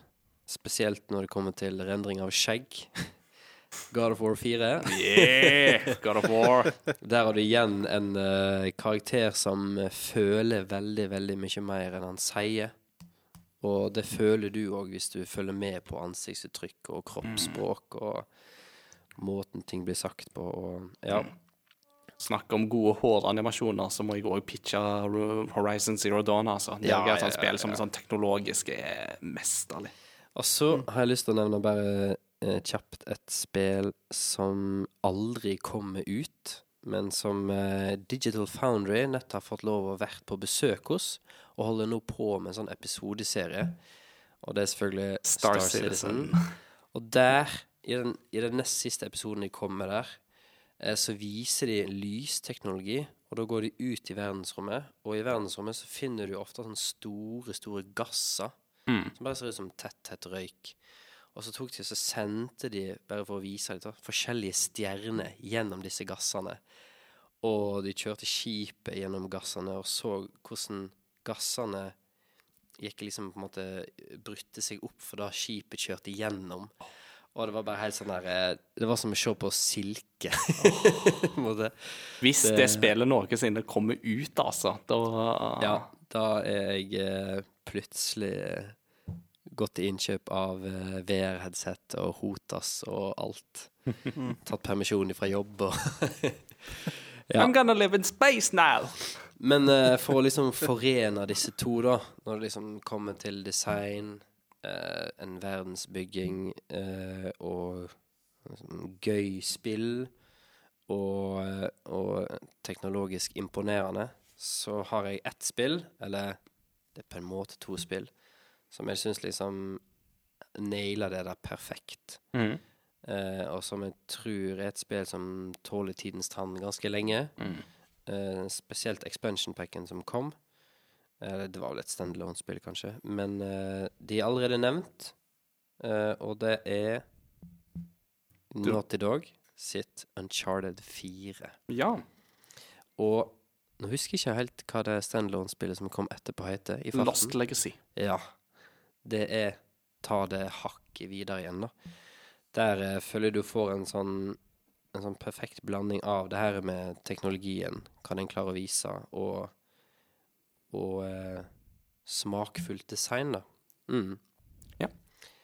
Og eh, ja. Det er veldig, veldig spennende å være glad i grafikk, for eh, det er jo der det ofte skjer eh, skjer store, store sprang, spennende ting. Og nå nærmer vi oss jo kanskje et til sånt sprang. Et tydelig sprang, kanskje. Med den nye konsollgenerasjonen som kommer. Mm. Og um, det, blir, det blir gøy. Det blir veldig gøy å se. Det, jeg gleder meg veldig til å se de første spillene som dropper nåværende generasjon totalt og bare går all in på de nye gener- Ja. altså konsollene. Det blir veldig gøy å se hva de kan få til. Altså, The Witcher var jo et sånt spill. Uh, Batman Arkham Knight var jo òg et sånt spill. ikke sant? Det Mm. var det først da du på en måte begynte å se det virkelige potensialet Det var- i de generasjonene. Det var en, en kort ting bare nå helt på tampen her. Uh, det var en ting vi ikke sa under kunngjøringa, men uh, den superhyggelige sjefen Phil Spencer Mhm. har eh, lagt ut et blogginnlegg hvor han snakker om den nye Xboxen. Mm. Og igjen, Digital Foundry har en analyse av det der, da. Mm. Og da finner jeg ut at eh, det grafikkortet som står i eh, Xboxen, som er AMD, Mm. er sterkere enn alt annet du kan få til PC av AMD. Mm. Og det er veldig lenge siden det var tilfellet når en ny eh, konsollgenerasjon skulle komme. Mm. Som regel var PC allerede foran. Men nå kan det begynne å se ut som at eh, kanskje konsollene, i hvert fall i starten, klarer å henge med, da. Jeg kommer til å bli blakk ved årsskiftet, men eh, jeg kommer til å være en glad blakk mann. Uh, vips gjerne penger til eh, Collect. Collect må vi begynne å ta. Ja. Kollekt. Nei, men uh, det er seint. Vi begynner å bli trøtte. Skal vi hoppe videre i programmet? Let's do that! For dette er en hebreke pachinko-kontroller til Super Nintendo. It's curiosity. What are you gonna show to me? It's curiosity. What a neat thing to know. It's curiosity. What are you gonna show to me? I haven't even heard of it. What a neat thing to know. It's a great battle show. Vel, vel. It's a great part of the show. Yes, it is. Og er dere klar for den kuriositeten nå, da? Uh, som jeg har funnet på, uh, på sparket? I am curious. Det er ikke helt på sparket, dette her. Men uh, i dag så har jeg litt lyst til å ta dere med inn i Nintendos lydavdeling, lyddesignavdeling, og introdusere dere for mannen Kazumi Totaka. Uh, Kazumi Totaka har vært en del av eh, lyddesignseksjonen til Nintendo siden begynnelsen av 90-tallet. Og det som er litt spesielt med denne mannen, er for det første han har stemmen til Yoshi. Så kan du høre og, og sånn. Så, så er det han, det er ikke meg. Det er han Totaka, altså. Uh, men det som er mest spesielt med Totaka, er at han har alltid hatt en liten sånn visual Nei, ikke visual, men audio easter egg i så å si alle spill han har vært involvert i. Og det er en lite tema på 19 toner. 19 enkle toner. Som, han da, som, som da har fått kallenavnet Totakas Song. Og det er et spill som dukka opp første gang i Gameboy-spillet X. Det heter bare X. Uh, og siden har det dukka opp i spill som eh, Super Mario Bros.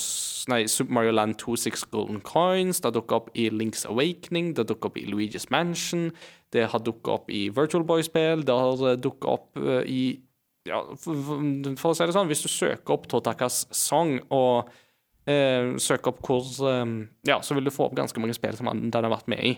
Eh, av, en av mine favoritt er at eh, hvis du spiller Mario Kart 8 og spiller banen som heter Yoshi's Circuit, så står det noen Yoshier ved startområdet og heier på deg. Og hvis du da kjører inntil deg og bare blir stående i ro og vente lenge nok, og hvis du klarer å sile ut bakgrunnsmusikken, så vil du høre den ene Yoshien begynne å synge Totakasong. And bear in mind, dette er samme mannen som har stemmen til Yoshi, som har dette temaet. Det er en dobbel easter egg. Ikke sant? What? Yeah. Og ehm, Animal Crossing-fans uh, vil òg på en måte ha et forhold til Totakas sang, fordi uh, KK Slider, han her der uh, Han gitarhunden. KK Slider er jo da basert på Totaka. Eh, det er jo derfor han på japansk Denne figuren, altså KK Slider, heter jo Totakeke på japansk. Ja. Så det er liksom navnet hans dukker opp der. Og KK Slider vil kunne synge Totakas song on request til deg. Det er visse ting man må gjøre for at han skal gjøre det, men uh, da vil du få han til å framføre det. Så jeg tenkte at vi skal høre litt på det temaet, og så vet folk hva de kan eh, hva de kan lete etter og høre etter ved en eh, senere anledning. Du sniker et ekstra postludium, du. Det Ja, det blir bare en liten smakebit.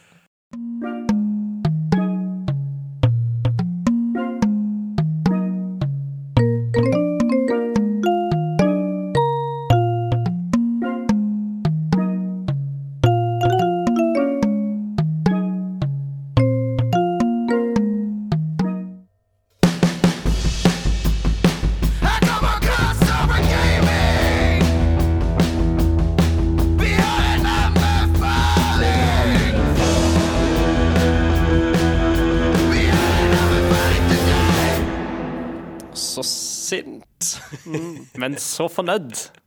Så glad samtidig. Ja. Hvordan går det an? Vi har en anbefaling today. Yeah, som Eirik snakket om, ja.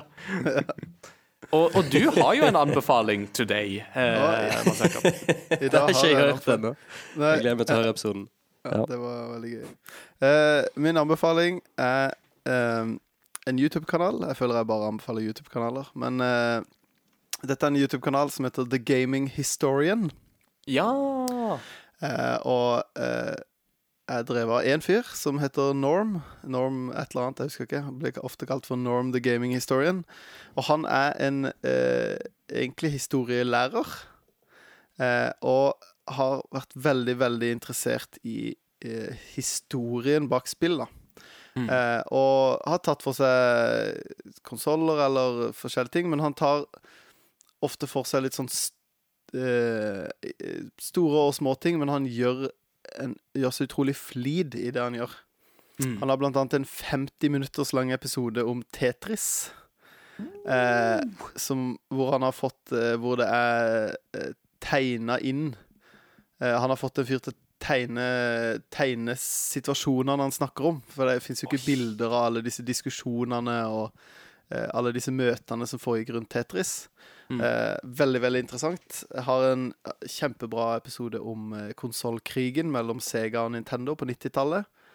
Eh, eh, men også mindre episoder, som han har eh, video om Super Gameboy, eh, som var en eh, kassett som gjorde at du kunne spille Gameboy-spill på Super Nintendoen.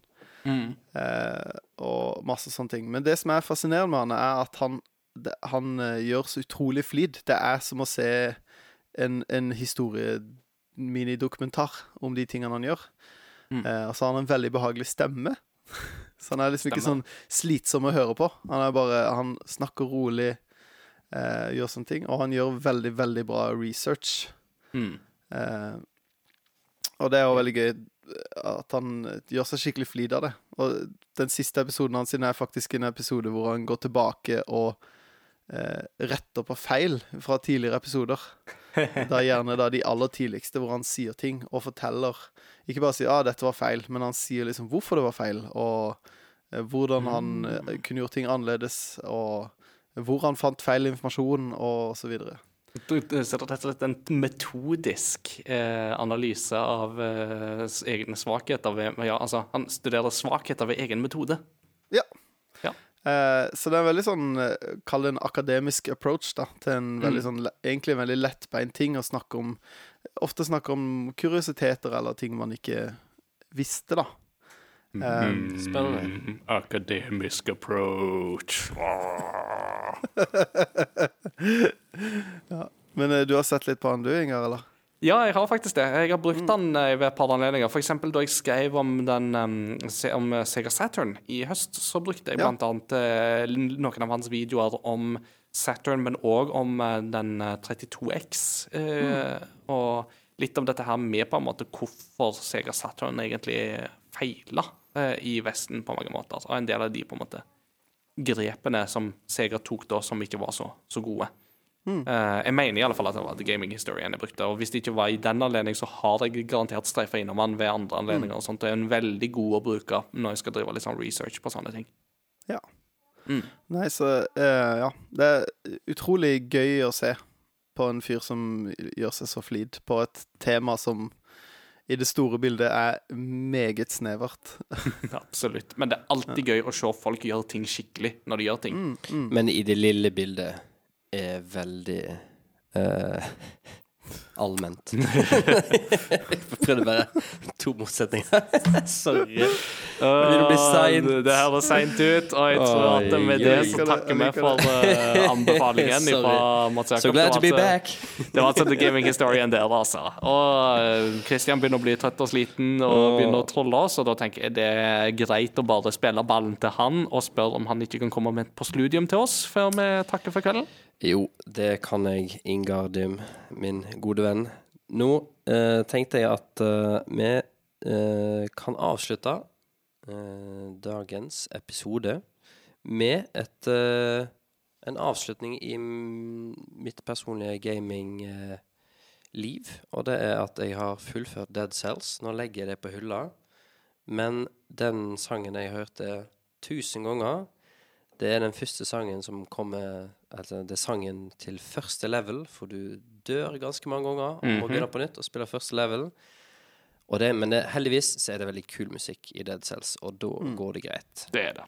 Så eh, dagens postludium er fra Dead Cells og heter eh, Prisoners Awaking.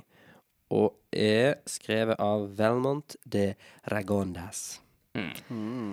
Der, altså. Nice. Mm. Jeg har nevnt det en gang før òg, men det som er litt gøy med de som har lagra Dead Cells, er jo at de har helt flat struktur i selskapet sitt. Mm. Så alle får betalt like masse, og alle har like mye å si. og, og sånt. Så det er liksom en gøy businessmodell. Det har virket som det har funka for dem. Ja. Mm.